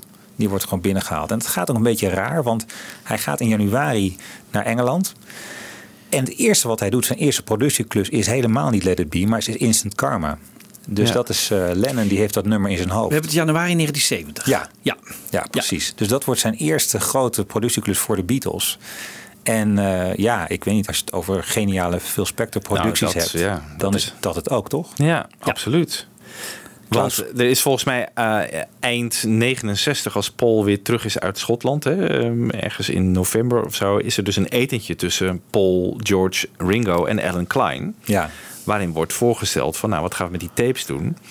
En dan komt Klein met die suggestie van, nou, laten we Phil Spector daarvoor vragen. En daar stemt Paul dus mee in. Ja. Ja. En Ja. ja, zult later natuurlijk, Ja. eh, gaat dat eh, helemaal niet goed. Maar, maar wat is die eh, relatie Klein en waarom komt Klein met Spector? Hebben die twee met elkaar, eh, is dat zijn manager geweest of zo? Hebben die, Nou, dat lees ik niet. Ik denk dat ze elkaar gewoon toch uit die industrie kennen. Hij is natuurlijk een hele grote naam. Ja. Eh, Zijn tijd is misschien ook wel zijn tijd is geweest, maar ze weet ook wel, hij kan echt wel wat. Eh, dus laten we hem gewoon vragen. Ik lees niet van het, dat er al daarvoor hele duidelijke samenwerking waren geweest tussen die twee. Dat zie je Nee. niet. Nee. Nee. Nee, het zijn trouwens wel allebei natuurlijk hele moeilijke mannen. eh, Klein en Spector. Je had Ja. geen, je Nee. geen makkelijke, soepele, communicatieve gasten binnen. Nee. Dus dat heeft Paul zich denk ik ook wel gerealiseerd. Maar John, weet je, John en George die zitten op dat moment echt in een fase dat ze denken... joh Paul, je kan, veel, je, kan je, je been nu weer dwars gaan zetten. Maar dat gaat niet, we, we moeten iets hiermee Ja. met, met Ja. deze berg aan Ja, materiaal. maar volgens Wiebo's... hij zei- stemt ermee in. Hij stemt er mee in. hij stemt er wel Ja, mee in. Hij stemt er Aanvankelijk ja, maar ik denk wel Ja, dat dat... Ja, uiteindelijk gaat het ook natuurlijk mis met, met de arrangementen die die allemaal opplakt. Maar het grappige is dat, even nog terug naar dat instant karma, dat, dat later wordt gezien eh, als, dat wordt, zo wordt het vaak in literatuur beschreven, als een soort auditie. S- eh, Phil Spector slaagt voor de auditie voor de Beatles, voor het, voor het project eh, Get Back. Maar ik vraag me af of dat echt zo bewust is gegaan. Want hij was natuurlijk wel al gevraagd. Hij is naar, naar Engeland gevlogen om Let It Be te gaan doen. om Get It Back, Met Get Back vliegangst, vlot te trekken. Ja. Maar het lijkt er een beetje op alsof John eh, toch even, nou ja, weet je, en dat ging ook een beetje apart wel, want hij werd gewoon gebeld van, nou ja, ik wil dit nummer, hè, dat was bekend. Hij wilde het meteen diezelfde dag opnemen Oh ja, en de volgende dag op single uitbrengen. Dat was hij. Het was in die zin ook een instant single. Dus veel wordt er dan bijgehaald. En het is wel mooi om te horen wat Klaus Voorman erover zegt. Die zegt hij haalde allerlei apparatuur haalde die, eh, de studio binnen. Het stond vol met apparaten. Hij vroeg aan John van wat voor sound wil je? En John zei 50s, 50s. Want Ja. zij zijn natuurlijk allebei, allebei groot geworden met die rock and roll. Dat zit echt in en dat, dat bloed dat stroomt door hun aderen. En dat was gewoon wat hij wilde. En toen dacht veel, oké, als dat het is, dan weet ik het wel. Dan kan ik het ook. En eh, het, het slaagt gewoon natuurlijk. Hij heeft ook wel weer mooi op te lezen. Alan White is de drummer natuurlijk. Kennen die hele volle, volle drumsound op dat nummer. Alle backends heeft hij gewoon fysiek weggehaald bij dat drumstel. Dus het is alleen maar... Hij, hij moest niet eens... Kijk, je zou, zou natuurlijk kunnen zeggen van... Je moet de backends niet gebruiken. Maar hij wilde niet eens dat hij in de verleiding zou komen om een backend aan te raken. Alleen maar die volle drumsound. En dan die 14 zangeressen die die geloof ik uit een, eh, een pub, Uit- eh, ja, ja, uit de pub. pub Ja. heeft gehaald. ja, Mel Evans heeft dat gedaan. toen, Ja. ja. Ja. John alleen maar iets, een iets vettere bas had gewild. Maar hij is zo tevreden over wat, wat Phil Spector neerzet. En Klaus Voorman die is zo maatloos in zijn bewondering ook van hoe Phil Spector dit heeft aangepakt. Dat er toch wel veel vertrouwen is dat hij het kan gaan doen. De Get Back klus. Ja. Daar gaat hij aan beginnen op 23 maart, als ik het goed heb. Eh, dat zo beschrijft Mark Lewison dat. En ja, ik, het is altijd een beetje jammer. Je zou zo graag willen weten van hoe ging dat nou? Hoe ging die nou? Wat, wat had hij aan materiaal? Kreeg hij bijvoorbeeld die Clint Johns mix? Mixen. Zo Ja. van, dit is het, de basis. We moeten hier en gaan grasduinen. Dit, dit zijn de nummers die we in elk geval op willen. We weten bijvoorbeeld dat hij nog mixen maakt van Teddy Boy. Terwijl die daar, eh, dat natuurlijk bekend was dat het uiteindelijk op McCartney zou komen. Maar wat doet hij? Ehm, ik noem even een paar dingetjes. Ehm, en die weet, dat weten we ook via Peter Brown. Dus beschrijft Mark Lewison ook. Die was er ook bij. Hij mixt allemaal in Room 4 in, op Abbey Road. Bijvoorbeeld Digge Pony. Eh, dat weten we ook van Anthology. Dat begon eigenlijk met dat All I Want Is You. Weet Ja. je wel? Ja. Ja. En dat knipt hij eruit. Ja. Hij zegt van, eh, het begint juist met ah, ah, ah. Ja. Weet je, dat, Ja. dat wordt opeens de, het intro van Digge Pony. Maar dat is een keuze van Phil Spector geweest om die intro weg te halen daar. Ja. Mark Lewison zegt de beste wat Phil Spector op Let It Be heeft gedaan is Two of Us. Maakt hij een fris, eh, fris geluidje van. Een frisse gitaarsound weet hij op een of andere manier ervan te maken. En ja, ook dat kan ik wel een beetje voorstellen als je die oude Get Back, die ruwe opnames van dat nummer hoort. Ik heb nooit, ik heb altijd het idee van, god ja, dit is wel aardig, maar een beetje log, een beetje te ruw of zo. Ja, zijn het niet, dat zijn andere takes dan, denk Ja, ik. ik. weet ook niet hoe hij dat dan gedaan heeft. Hoe het nou kan dat opeens zo'n fris gitaargeluidje overheen Nou, zit. kijk, ze namen natuurlijk bij Apple uiteindelijk die nummers allemaal echt officieel op. Hè? Wat wij kennen uit de film, dat is allemaal gewoon eh, repeteren Ja. en dingen. zo. Ja. Maar eh, er zijn wel allemaal losse sporen van. Hè? Dus Ja. hij had wel losse sporen van de gitaren. Dus daar kon Ja. hij wel wat mee. Ja. Hij kon equalizen, kon mixen. Kon, Dus, dus hij, ha- hij had wel wat mogelijkheden. Het was Ja. niet... eh, Want wat je nou uiteindelijk ziet, wat op de plaat staat, is inderdaad van, die, eh, van het dak eh, veel nummers. En van die dag daarna, dat ze dus Along a Winding Road en Let Ja. It Be en Two of Us opnemen. Ja. Daar bestaat het merendeel van het album uit. Dus dat het nou zo'n monsterklus was. Nee, en hij is ook in tien dagen mee klaar. hè? Ja, oh ja, dus, dus nou, volgens hier. mij heeft Clint Johns, die heeft volgens mij het echt het meeste wegbereiden gedaan al. Eh, Ja, maar veel van die versies staan er niet op, op Clint film. volgens mij. Oh. Misschien wel eh, One After 909 wel natuurlijk. Maar de, de take die hij gebruikt voor de Long and Winding Road is bijvoorbeeld wel, eh, ja, die verbaast me wel. Want als je later hoort wat er op Naked staat, die versie van de Long and Winding Road, vind ik veel, veel mooier. Ja. Stel dat hij daar de orkesten op had gegooid, dat was, Ja. dat was een veel, veel betere take. ja, Want hij klaagde er ook over. eh, ik heb zijn documentaire gezien over Phil Spector. Dat eh, ja, John die, eh, die was hem een beetje op, op het bas aan het zoeken naar, naar de, goede noten. En McCartney die, die zong, zong het slecht. En het Ja, was hij- allemaal niet goed, maar Ja. hij had er wat van gemaakt. Hè? ja. ja, ja, ja, ja, ja. En hij had een heel vocaal spoor van McCartney ook weg, omdat hij daar Oh ja? heeft, hij, heeft hij het orkest voor nodig. Dus hij heeft te weinig banden. Dus hij, die, die, die spoelt hij gewoon weg en daar zet hij het orkest bovenop. Maar inderdaad, de grootste grote opnamesessie is, ehm, althans voor, voor wat betreft het orkest, op 1 april 1970. Eh, Ringo is dan al bij op drums. Dat is, de enige, dat is de laatste officiële opnamesessie voor een Beatles-album. Met Ringo nog eh, erbij op drums. En dan nemen ze de orkest op voor I'm in Mine, voor Across the Universe en Long and Winding Road. Ja. En misschien ook Let It Be, dat weet ik eigenlijk niet. Long and Winding Road, 50 muzikanten, 18 violen, 4 cello's, een harp, drie trompetten, drie trombones, een drumstel, twee gitaristen en 14 zangeressen. 14 zangeressen, ja. Ja. Bij elkaar niet later over klaagt. Ja, Ja, ja. ongelooflijk. Ja. Richard Houston eh, heeft het arrangement geschreven, Ja. geloof ik. Maar die schijnt ook weer door McCartney aangedragen te zijn. Dat veel Ja, eh dat is belde. waar. Ja, dat klopt. Ja, dat Wie klopt. moet ik daarvoor hebben? Ja, doe Richard Houston maar. Ja. Nou, laten we even, want ik heb een kort fragmentje over Phil, hoe hij nou terugkijkt op, eh, op die hele tijd en vooral op de Long and Winding Road. The Long and Winding Road. It was a terrible recording when I heard it. John was playing bass on it with all the wrong notes. There was no snare drum on it.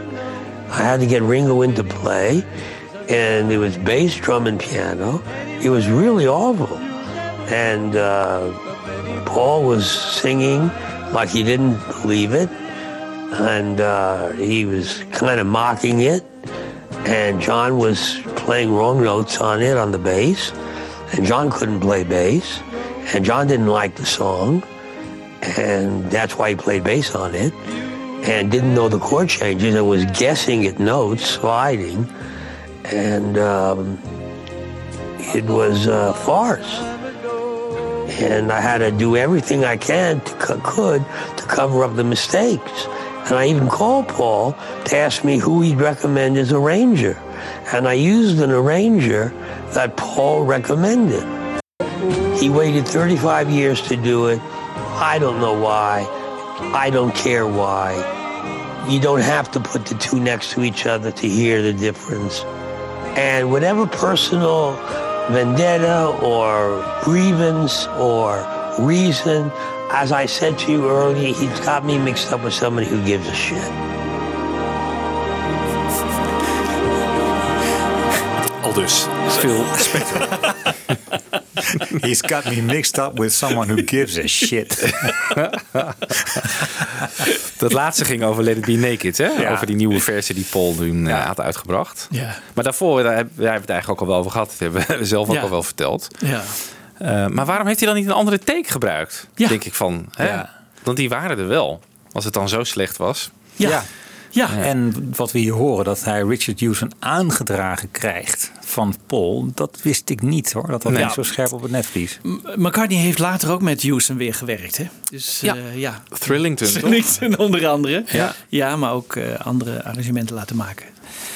Maar valt het uiteindelijk dan toch niet een beetje mee op het album qua wat Spectre dan zijn Wall of Sound opgooit? Want dat is Ja, Across the Universe en Long and Winding Road. Dat is duidelijk. Ja. I'm in Mine heel subtiel. Dat vind ik best. Dat is goed gelukt. Vind ik ook. Ja. Vind ik Let ook. It Be is ook goed gelukt. Ja. En ik vind Long and Running had veel meer over de top kunnen zijn. Eh, Horen we daar nou echt die 50 muzikanten op? Het is niet een soort eh groot dat orkestraal. Ja, dat Nee. koor. Maar Ja. ik vind dat hij dat nog wel subtiel doet of zo. Niet, Ja, ja. niet dat ik denk van, god, dit is echt Mantovani. Wat McCartney zegt. Ja, ja. Ja, maar hij, ja, McCartney heeft het ook wat overdreven. Want McCartney zei later ook, ja, hij had het misschien niet zo heel slecht gedaan, maar ik had er gewoon eh, dat iemand anders aan mijn materiaal zat. Dat was het Ja, belangrijkste. dat hij niet gevraagd was. Dat was natuurlijk het allerergste. Ja, dat was het allerergste. Ja, want, wa- want ik denk misschien bij dat etentje, als we daar even op teruggaan, misschien heeft McCartney toen wel gezegd van ja, ik vind het goed, maar het gaat eerst nog langs mij heen. Ja, precies. en wat Ja. hem vooral Ja. stoort is, dat is niet gebeurd. Nee. Het is hem eigenlijk gewoon Ja. door de strot geduwd en op zijn naam de wereld ingeslingerd. Is het wel aan de andere Beatles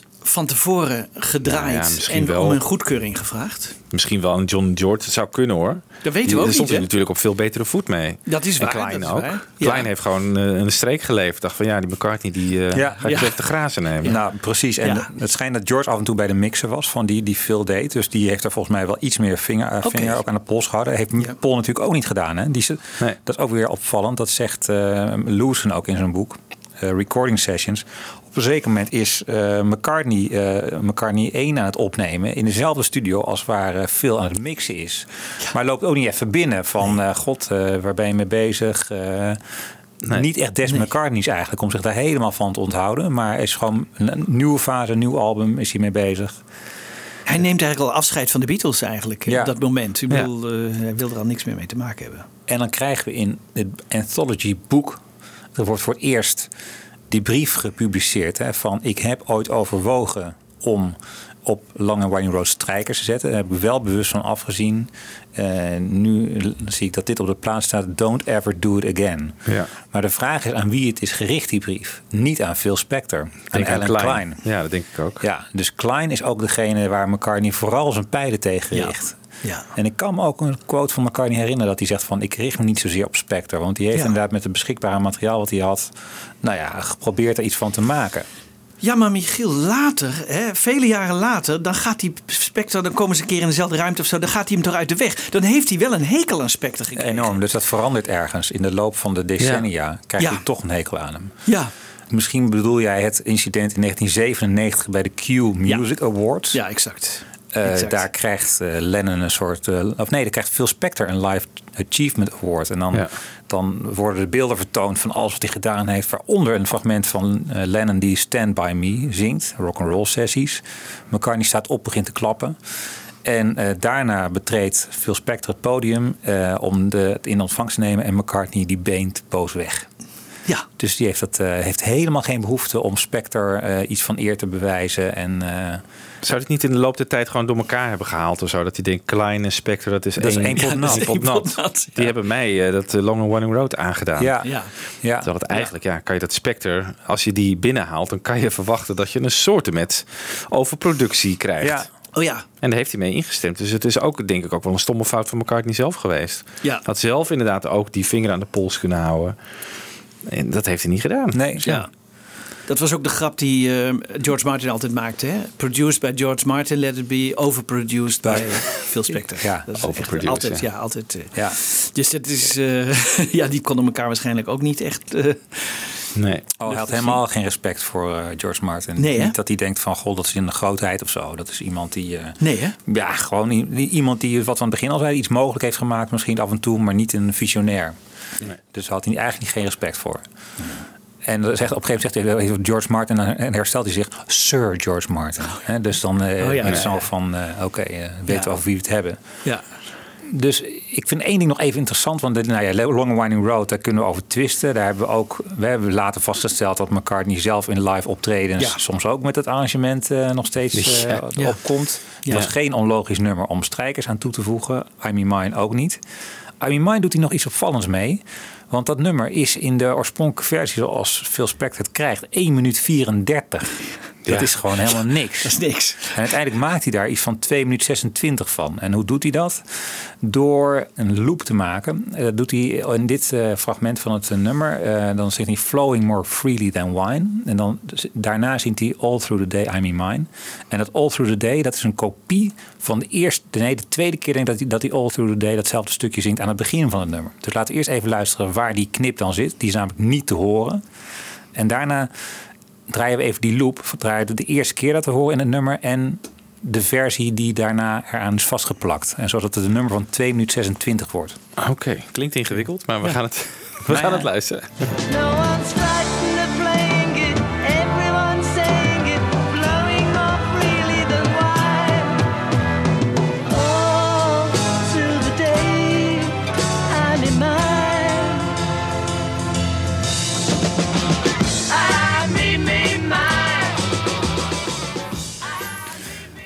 Oké, dus hier hebben we die. eh, hier zit is een, kopie in het tweede deel, All Through the Day, I Mean Mine. Dat heeft hij. eh, Een letterlijke kopie van een eerder moment in het nummer waarop hij dat ook al zingt. Nou, als je die twee naast elkaar legt, dan hoor je ook dat het identiek is.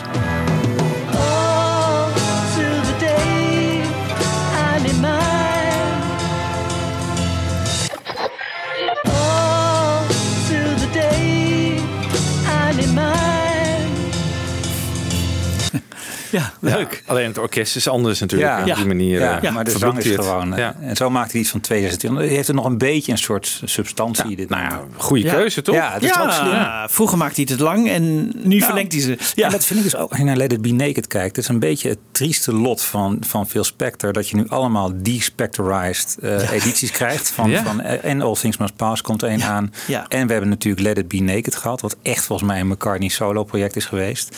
Maar wat hoor je daarin? Natuurlijk hoor je daar net zo goed die frisse tour was. Natuurlijk hoor je daar net zo goed Dikke Pony zonder dat eh, die eerste oorspronkelijke intro erin. Dus het zijn allemaal keuzes die Spector heeft gemaakt die waar McCartney toch in meegaat. Hey, ja.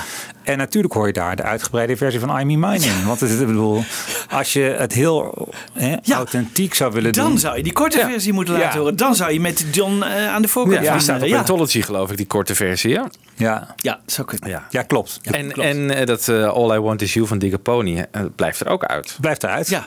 Dus Ja. dat is een goede keuze geweest van, Ja. eh, van Phil. Ja, Vind ik ook hoor. Ja. Ja. Ja. impliciet zitten er allemaal keuzes in. Zeg maar, dat we hebben een soort eh, ge- gedespectoriseerde versie dan. Maar al die keuzes, het stempel van die vingerafdruk van Spector zit er gewoon in dat album. En Ja. al die, dus daar gaat McCartney uiteindelijk ook in mee. Ik denk Ja. dat McCartney niet eens weet natuurlijk Nee, van wat, nee, die, denk ik wat allemaal die Nee. keuzes waren. Als, als Spectre er maar niet eh, met het orkest op zit. Ja. Nou, als hij echt ballen had gehad, McCartney, dan zou hij de Long and Winding Road ook in, in, Precies. in, in een ander arrangement doen. Ja, hij, doet nu, hij is dan zo eh, eh, bewust van eh, wat het publiek wil horen, dat hij denkt, ja, ze kennen die, eh, die orkestversie, dus dan krijgen ze die ook op het podium. Maar Ja, als je echt ballen het. hebt, dan moet je er gewoon een andere versie van maken. ja.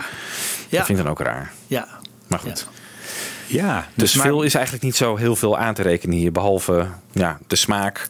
Ik vind Across the Universe ook te pompeus en Long and Winding Road Oh, daar ook. was, daar was Lennon zo tevreden over. Ja. Geweldig, eindelijk iemand die mij begrijpt. Ja, heel gek hè? In het Rolling Stone interview zegt eh, Lennon echt van hij heeft de grootste berg van waardeloze shit gekregen en er toch nog iets van gemaakt. Ja. En dat, daarvoor verdient hij alle credits. Ehm, dus inderdaad, en daarna komen eigenlijk de samenwerking tussen John en Phil komen pas echt op gang daarna. En ik, ja, ik denk ook van met het beschikbare materiaal heeft hij gewoon goed werk geleverd. Maar het was natuurlijk ook niet voor Phil Spector de gedroomde productieklus voor de Beatles. Nee. Nee. Want je wordt gewoon in een hok gezet en moet gaan mixen. En het was eigenlijk, dat kon hij wel.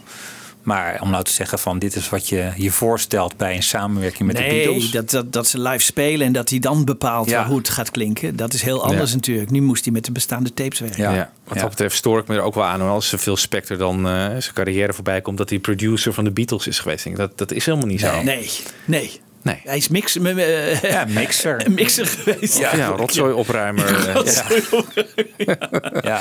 Maar niet producer, kom op zeg. Nee, Nee. dat Ja. vind ik niet hoor. Nee.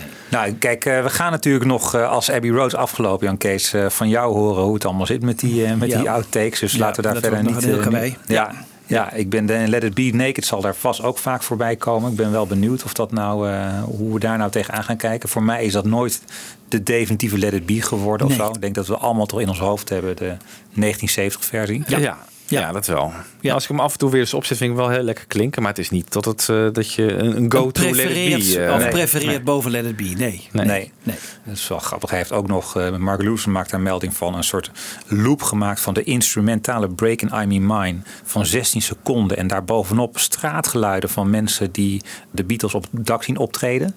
Heeft hij, eh, dat was echt oorspronkelijk bedoeld als een soort soundtrack van de film. Dus hij wilde ook die geluidsfragmenten er doorheen spekken. Oh. Hij heeft natuurlijk ook I Dig It, Pick Me en al die eh, quotejes eh, zijn ook echt zijn ja. keuzes geweest. Ja, Dig It bij Maggie Ja. May, denk ik. Ja. Oh ja. Oh, dat zijn wel zijn keuzes geweest. En daarvan denk ik soms ook van... heeft hij nou McCartney in hak willen zetten... als Let It Be begint met... And now I'd like to sing Hark the Angels Come. Ja. Wat ja. natuurlijk een hymne is. En dat is natuurlijk... Ja. Lennon zegt dat een beetje spottend. Ja. En, en wat komt er binnen? Zo'n hele bloedserieuze McCartney. Ja, Vraag me soms af of McCartney dat ook niet, niet helemaal lekker heeft gezeten. Kan best. Ja. Ja. Ja, dat zou goed kunnen. Maar goed, dat weet, eh, weet hij op, op zich allemaal wel smaakvol te doen. Wat zijn daarna nou nog, na Let It Be, de grote productieklussen die eh, hij doet voor de solo Beatles? Natuurlijk vooral George en John. Begin met George All Things Must Pass. Daarna Plastic Ono Band. Ja. Dan Imagine en dan Sometime in New York City. En daarna nog eh, Rock and Roll.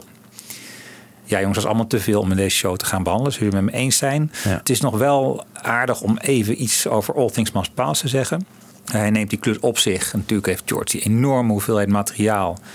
En George zegt daar later zelf ook over van ja, ik stond eigenlijk een beetje in mijn uppie. Ik moest op een gegeven moment, ja, ik was ook een solo Beatle. Ik, ik had opeens geen producer, ik had geen band, niks. En ik had iemand nodig. Veel zat om werk verlegen. Nou, dan gaan we hem er maar bij halen. Ah, ja. gebrek aan beter. Ja, een beetje. Wij probeerden veel ook te helpen. Ja, want hij dacht van nou, hij heeft ook goed werk geleverd voor Let It Be. Ik denk dat George daar ook toch wel echt over eens was.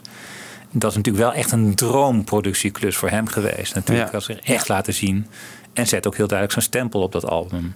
Ja. Ehm, Want de Wall of Sound is daarop weer terug. enorm. Ja, ik dacht laat ook nog, valt eigenlijk wel mee. Maar als je die plaat gaat beluisteren, nee, dat valt niet mee. Er zijn natuurlijk wel een stuk of vijf nummers waarop het- die ik echt, weet ik veel, Beware of Darkness of zo, daar, die zijn wel goed geproduceerd. Maar dat is niet de, de Nee. hoofdzaak, maar What is Life, from volgens mij was Phil toen alweer vertrokken hoor. Heeft George die in een later stadium opgenomen. Ook Apple Scrubs bijvoorbeeld. Ja, oh ja, precies. Dus niet alles eh, onder zijn... Nee. nee. En datzelfde geldt volgens mij voor de Plastic Ono Band. Want ik heb het ooit ergens gelezen, ik kan het niet meer terugvinden hoor. Maar dat eh, de rol van Phil Spector daarop redelijk ja, minimaal was. Dat hij eigenlijk helemaal niet... Nee. Volgens mij heeft Ringo dat gezegd. Dat, dat hij zich niet kon herinneren dat Phil vaak in de studio was bij die Nee. opnames. Ja. En dat is natuurlijk ook wel, eh, ja, eh, dat album hoef je bijna niet te produceren, toch? Nee, dat is ook helemaal niet wat John wilde. Nee. In die zin luisterde hij natuurlijk wel van John, wat wil je? Dus inderdaad bij Instant Karma een 50 sound, oké, dat krijg je. Ja. Bij eh, Ono Band, het moest gewoon een hele kale productie worden. Ja. En echt onopgesmukt. Nou ja, dat krijg je dan ook. Ja. Nog wel met God of zo, dat vind ik wel echt mooi geproduceerd. Maar verder Ja. niet... eh, Ja. En hij speelt piano op Love, geloof ik, Ja, schitterend doet hij dat. Schitterend. Ja, dat is mooi. Ja. Ja. Had hij nou een eigen technicus altijd bij zich? Of eh, werkt hij met bestaande technici? Of, Volgens eh, mij had hij verder geen... eh, Nee, nee, nog- hij, hij kon met iedereen eigenlijk wel, eh, tenminste. Nou, Nou, ja. dat niet. Dat, Nee, dat- je dat moest wel niet. gewoon Maar- doen wat hij wilde. Ja, ja. Het schijnt Ja. ook, die 1 april waar we het net over hadden, die dag dat die, al die orkestbakken voor, eh, voor die Beatles nummers worden afgemaakt, dan wordt hij op een gegeven moment heel kwaad, want hij wil gewoon per se horen dan in de studio hoe het gemixt gaat klinken. Elke producer zou zeggen, ik heb nu een globaal beeld, volgens mij heb alles eens opgenomen, nu gaan we mixen en kijken wel hoe het wordt. Ja. Maar hij wil het eigenlijk ter plekke al horen hoe het gemixt gaat klinken. Hij gaat zich enorm op zitten fokken. Het is zelfs zo erg dat Ringo tegen hem gaat zeggen... joh, Phil, ze doen allemaal hun best. Even rustig aan nu. eh, we kunnen niet toveren. Toch heel erg opgefokt. Op, opgewonden, temperamentvol mannetje blijkt, blijkt het natuurlijk nog steeds. Ja. Wat moet je van All Things Must Pass zeggen? Heb ik daar nou nog een quoteje van, Wiebo? Ja. ja. Zullen we daar even naar luisteren? It was a very unusual choice, I thought, to work with Phil Spector with the kind of songs you were making on that album. Yeah, I suppose it was, but um, he needed a job at the time. and I needed somebody to help me because, you know, I mean, after being in a group all the time with a producer, suddenly to be a solo artist with no producer, you know, and no group, you know. Yeah. So it's like, you know, it's quite a big jump. John phoned me up in the morning. He said, Look, I've just written this song and I'm going to record it today and have it out tomorrow. It's called Instant Karma. Will you come and play on it? So I said, Okay, got my guitar, went into town, went in the office, and Phil was there. And I said, Come on, let's go and do this song with John. And he said, Oh, no, no, I can't go. You know, I haven't been invited. I said, Oh, yeah, just come on. And so he stood in the back of the control room in Studio 3, it was in Abbey Road. And he stood there, and like the engineer was getting all paranoid, and Phil wouldn't say anything. And after a, about a couple of hours, I said, Come on, do something. So then he started putting the echo on it. McCartney was making an album. John had a single ready to go. Uh, and now John was talking about making an album already, the Plastic Ono Band. And I said to George, you know, you ought to consider making an album. And I'd only been there 12 hours. I went to George's uh, Friar Park, which he had just purchased, and he said, "I have a few a few ditties for you to hear." It was endless. He had uh, literally hundreds of songs, and each one was better than the rest. He had all this emotion built up when it released to me. Ja, en blikte even terug op en Instant Karma, natuurlijk de sessies en, eh, en All Things Must Pass. Ja, die sessies, eh, die productie gaat op zich goed, hoewel hij zich ook wel gaat vervelen. Eh, hij gaat voor het eerst ook een beetje drinken in de studio. Komt soms bezopen binnen en duurt hem allemaal heel erg lang. Hij aardt ook slecht in Engeland. eh, klaagt over het feit dat ze mayonaise op een boterham smeren. En eh, vindt dat er op tv maar niks te zien is. Dus eh, in die zin is het ook een, eh, iemand die heel graag gewoon liefst een beetje huiselijk gewoon thuis is, zeg maar. en niet, niet ergens anders. Maar goed, hij slaat zich er goed doorheen door die klus. En daarna komen dus nog die andere platen die ik net, net noemde. We krijgen het dus nog te horen wat een despectorized eh, All Things Must Pass gaat opleveren. Zal, Ja. zal moeilijk worden hè, om het allemaal los eh, weer, weer kaal te krijgen. zeg maar. Ja, want ik, ik heb begrepen dat hij direct al, hè, dus bij eh, het opnemen van de gitaar, g- zet hij er al galm achter. Dus dan, dan staat dat alleen op tape en dat is er eigenlijk niet af te halen. Nee. Misschien wel bij een outtake of zo, dat ze nog niet dat ze aan het oefenen. Maar ik ben heel benieuwd hoe ze dat gaan doen. Kan je Awaiting on You All, wat ik een geweldig Ja. nummer vind hoor, Ja. in- in- met die volle Ja. productie bij. Maar kan je dat nou heel simpel en, en hoe gaat dat klinken? Ja, dat lijkt me heel moeilijk. Ja, nou, we gaan het meemaken, toch? Ja. er is veel mogelijk met software tegenwoordig. Dus Ja. ja, je weet het niet. Ja, maar een Maar- galm weghalen is toch wel heel ja, lastig. dat is wel heel lastig. Ja. Dat is wel heel lastig. Ja. En hij heeft natuurlijk ook Imagine geproduceerd, hè, die plaat. Ja, dat vind ik ook wel heel smaakvol Heel mooi. gedaan. Ja. En dat vind ik ook een beetje zijn tragiek. Want eigenlijk laat hij met die platen ook zien van, eh, zeker met Imagine, maar ook met Ono Band, van ik kan echt wel meer dan alleen maar een wall of sound geluid neerzetten. Ik kan Ja. luisteren naar wat, wat behoefte is van de artiest die ik bij me heb en daar gewoon iets, gewoon een heel mooi voor Ja. commercieel product bij maken. Maar eigenlijk moeten we vaststellen dat hij nadat, eh, nadat de sessie met de Beatles zijn afgelopen, dat is zo'n beetje rond 73. Want hij doet voor John natuurlijk nog wel een beginnetje van rock and roll, maar op een gegeven moment loopt het ook helemaal mis. Daarna houdt het gewoon, het hele produceren Ja. houdt echt op. Ja, maar jij zegt ook als persoon wordt hij steeds moeilijker, toch? Ik bedoel, Ja, hij ja. wordt steeds gekker. Misschien dat dat een belangrijke reden kan zijn geweest. Ja, in dat boek ben ik dan pas op de helft. Eh, Bij hoofdstuk 18 eh, de- heeft hij de Beatles gedaan en er komen nog 14 hoofdstukken. En dan gaat het alleen maar over dit soort verhalen, over eh, schietincidenten, over eh, hoe hij zich in zijn kasteel, ver- hij heeft echt letterlijk een soort kasteel midden in, eh, in Los Angeles.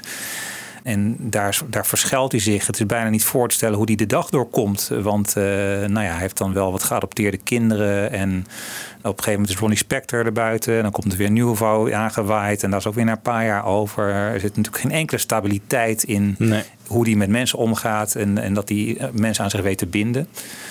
Ja, op een gegeven moment is- heeft hij natuurlijk ook het imago van een heel moeilijk persoon om mee samen te werken. Dus dan houden de aanbiedingen van leuke productieklussen ook echt helemaal op. Ja. ik kan me herinneren dat hij de Ramones nog heeft gedaan. Ja, dat is eind jaren 70, 79 of zo. Ja. Was dat een van zijn laatste klussen? Nou, hij heeft, hij heeft Dion nog gedaan. Hij heeft eh, Leonard Cohen nog gedaan. Allemaal wel eh, gewoon hele moeizame opnameprocessen. Er is altijd wel een geweer in de buurt. Ehm, En eh, Het is toch ook- verschrikkelijk? Ook platen die het dan bij de pers wel heel slecht doen. Ja. Eh, die Dion is dan later wel een beetje soort, eh, gezien als een soort klassieke, la- echt late Phil Spector sound. Maar Leonard Cohen, die, die plaat Death of a Ladies Man, is eerlijk gezegd, eh, vind ik niet om aan te horen. Ik vind ook een heel onwaarschijnlijke combinatie van die, ja, die Bart Ja. als, als, als Leonard Cohen en dan die, die vette Phil Spector productie erop. Ja. Later is ook, nog een verhaal van niet eh, Dion, maar Celine Dion. Daar heeft hij ook nog mee samengewerkt. Nou, dat wordt ook gewoon een drama. En je leest dat boek gewoon en je denkt van oké, het begint goed vaak, de opnamesessie. En hij weet zich charmant te presenteren. Maar op een gegeven moment ontspoort het gewoon. Omdat, de, omdat hij de artiest veel te lang niet aan bod laat komen. Eerst de muzikale tracks goed wil krijgen. Eh, en dan pas aan het eind, weet ik veel, op een gegeven moment was Celine Dion, geloof ik om drie uur s'nachts of zo, mocht ze een keer een, eh, wat gaan inzingen.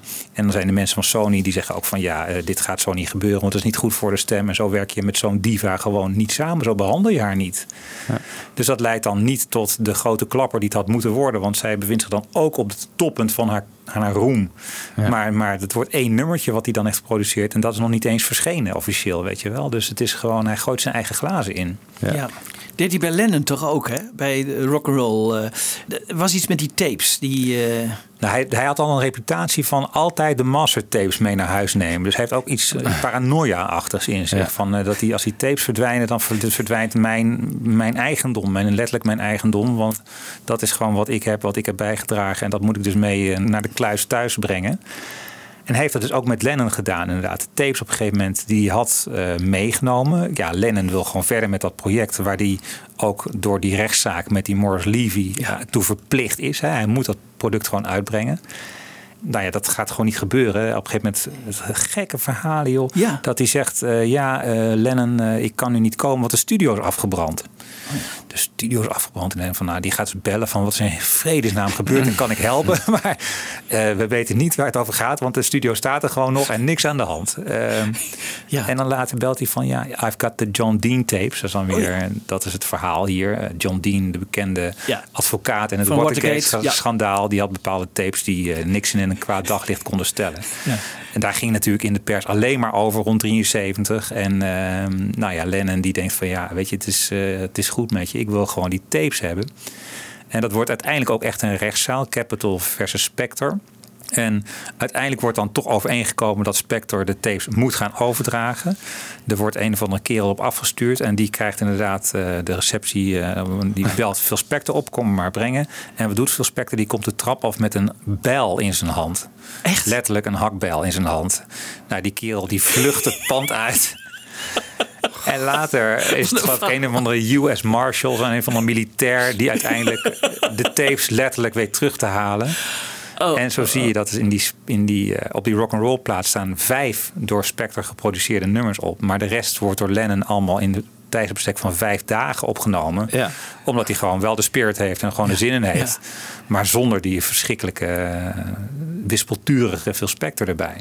Die ook, weet je, hij op, eh, is hij gewoon standaard bezopen ook in de studio. Niet eens drugs, maar wel heel veel drank. Ja, er is ook, waren ze ook wel verhalen dat hij toch gaat schieten en zo in plaf- er is één, er is één eh, in die rock'n'roll sessie is er één keer geschoten. Het zou mooi zijn als we daar nou tapes van hadden. Hebben we niet. Het schijnt dat Mel Evans ook in de studio was destijds. En Mel Evans die had een, die, een beetje soort een, een letterlijk een handgemeen met Phil. Hij werd het geslagen door Phil Spector. En op een gegeven moment had, Phil Spector, had Mel Evans er echt mee gehad. Die gaf hem een harde duw terug. En toen zei Phil Spector, ik zal jou eens wat laten zien. Die pakt een geweer, paf, en schiet hem in het plafond. En Lennon ook van, joh, hey, als je gaat schieten, schiet me dan vooral. Maar eh, doe het niet eh, als een soort losse vlodder. Want eh, ik wil wil mijn oren wel beschermen. hè? I've got to protect my ears. En een dag later komt Mel Evans ook met de letterlijke kogel heeft hij teruggevonden. Geeft hij aan John. Dit is dus de kogel die hij heeft afgesloten. En Lennon schrikt zich dood. What the fuck? Het is gewoon een serieus geladen pistool. Het is geen eens een losse vlodder. En die heeft hij dus gewoon bij zich. En dat is ook... Ja, ik moet altijd een beetje denken aan dat citaat van, ehm van Tsjechov. Die zegt van als, als in een roman op pagina 1 een geweer aan de muur hangt... dan moet hij in hoofdstuk 2 of 3 wel afgaan, weet je wel? Ja. Dus dat is een beetje het onverbiddelijke einde wat je aan ziet komen. Het moet een keer misgaan, die combinatie van zo'n temperament... het bezit van geweren en het gebruik van drank... dat gaat gewoon mis. En dat gaat natuurlijk ook in 2003 uiteindelijk ook dramatisch mis. Ja, absoluut. Op de Lennon Anthology box staan een paar nummertjes Phil en John. Ja. Met wat conversatie tussen die twee. Als je gewoon, ja, Lennon die natuurlijk niet in, het, in zijn beste periode zit. Gescheiden is van Yoko en wel met May Peng is.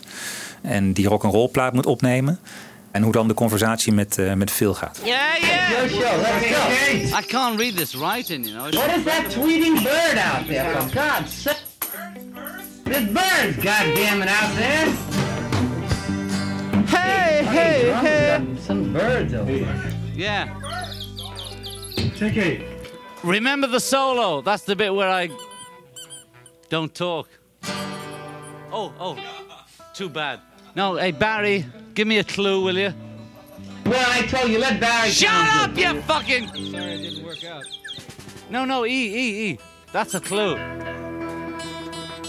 You haven't been in tune all evening. Why change?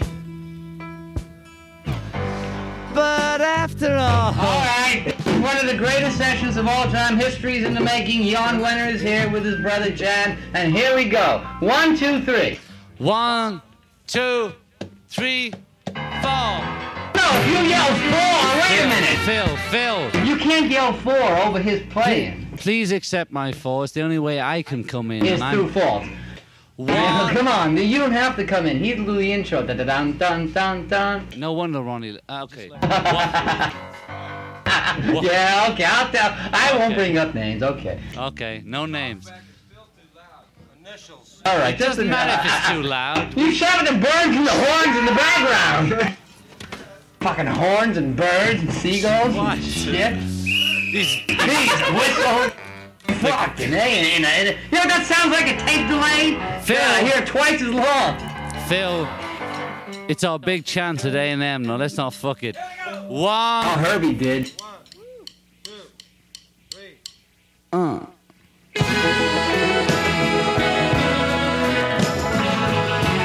I got a message for you. Hold it, hold it. Our fault, our fault, not your fault. Hold. Listen, if the voice is too loud, just say the voice. I'm yelling too loud in the can. No. Everybody suddenly grabs their headphones when I talk. No, no, no. Okay, everything is fine. I know. Okay. Wanna- Hold it one second. Oh, you don't mind if I change the lyrics then? Good, okay. Hey, we got the man here. What? What man? 14. Any fucking man. Let's go. I'm gonna get an all-girl band. You need one. Let's go. you won't let me do Bebopaloola and send I won't let you do anything. Let's go. Bebop Until you get this, then you can do bebop and send me some loving You can do anything you want to do, Johnny. after this. After this, Take the bandages off. you can even do take the bandages off. Okay. You could even do Johnny Be Good. No, no. I wish you would. Let's go. Oh, anytime you like. I, I know you would. Come on. I know the solo too, Good.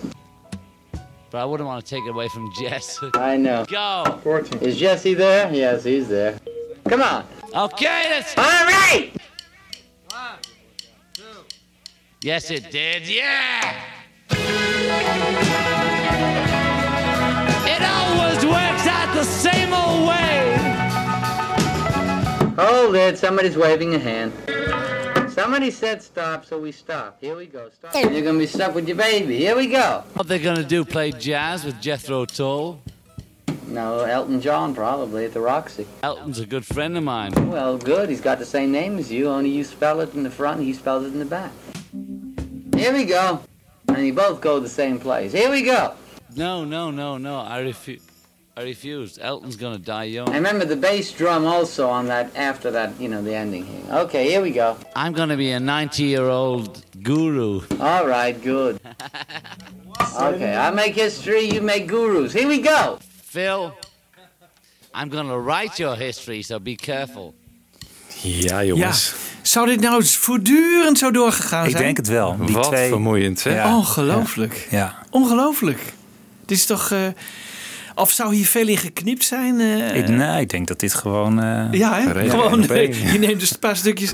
Het is ongelooflijk. ja. Het is Ja. ongelooflijk. Wel mooi dat we dit hebben, want Ja. het geeft je wel een indruk van wat een bezopen sfeer het was. En, en hoe ze elkaar voortdurend vliegen afvangen en, en verbaal een beetje proberen te slim af te zijn. En, eh, Ja, het is wel heel erg. Heel erg. Nou, dit geeft wel een mooie... ja. Nou goed, uiteindelijk heeft hij dus eh, de Phil Spector maakt, of eh, John maakt dat album zelf af zonder Phil Spector erbij. eh, en eh, daar houdt eigenlijk ook het hele Beatles avontuur met eh Nee, houdt op, Phil hè? Spector houdt helemaal op. Ja. Ja. Want George heeft na All Things Must Pass ook niet meer met hem gewerkt. Hè? Nee. Nee. Hij heeft nog wel één ding, dat is nog wel even leuk. en Misschien kunnen we daar wel mee afsluiten. Ronnie Spector, daar maakt hij nog het nummer Try Some Buy Some voor. Oh ja. En dat is in februari 71. Eh, natuurlijk zit Ronnie al helemaal artistiek totaal aan de grond. Heeft al jaren geen hit meer gehad. En die hoort dan dat er een hit is. Of dat, sorry, dat er een Beatle is geweest die een nummer speciaal voor haar heeft geschreven. Try Some Buy Some. Zij denkt van nou, dat, eh, daarvoor vlieg ik wel naar Engeland. Dus zij komt er ook aan. Komt in Abbey Road binnen. Ziet alleen een of andere verlopen hippie achter een piano zitten. Die met de rug naar de toe zit. Nou, ze denkt van ja, waar is iedereen? Waar is dat een engineer of zo? Waar is George? Die zou hij toch zijn? Nou, die man keert zich op en blijkt inderdaad George Harrison te zijn. Zingt het nummer voor haar voor. Try some, buy some. En zij denkt al van, nou, ik ben hier nou niet direct helemaal kapot van. Maar goed, eh, het is natuurlijk een nummer over het belang van het, het niet meer materi- op materialisme afgaan, maar meer het zoeken in Krishna en in, in, in nou ja, Ja, eh, spiritualiteit. spiritualiteit. Ja. Daar gaat het nummer over. I met Big Fry. Zingt George ook Big Fry? Wat is een grote friet? Ik bedoel, wat zij denkt van waar, waar gaat het in vrede? Wie, is, wie of wat is Big Fry? Wat moet ik nou weer gaan zingen? Uiteindelijk neemt ze het nummer wel op. In haar versie, maar het wordt natuurlijk een grote flop. En wat zij ook opneemt, en dat vind ik ook wel frappant, is het nummer You. De grote hit van George. Wel ergens van, welk album is dat ook alweer? Extra Extra Texture. Texture, ja precies. En daarvan neemt ze een versie op. En in die extra texture versie van George, daar zit ook een klein stukje, hoor je helemaal op de achtergrond, van de versie van Ronnie. Die nooit is uitgebracht helaas. Maar dat nummer heeft natuurlijk ook wel de grootsheid van een Phil Spector productie. Eh, dus zonder dat hij aan de knoppen zit. Volgens mij heeft ehm, eh, George later ook de backing track gewoon gebruikt. Die Ronnie ook heeft gebruikt. Volgens mij ook bij Ja, Try ja. Some of bij deze. Oké. Maar dat is gewoon eh, dezelfde versie, maar dan met een andere vocaal. Ja. George in plaats van Ronnie. Ja. Nou, zullen we even een klein stukje van You laten horen? Eh, ik heb, moet je misschien een beetje eh, wat harder zetten op het moment dat eh, Ronnie erin vliegt.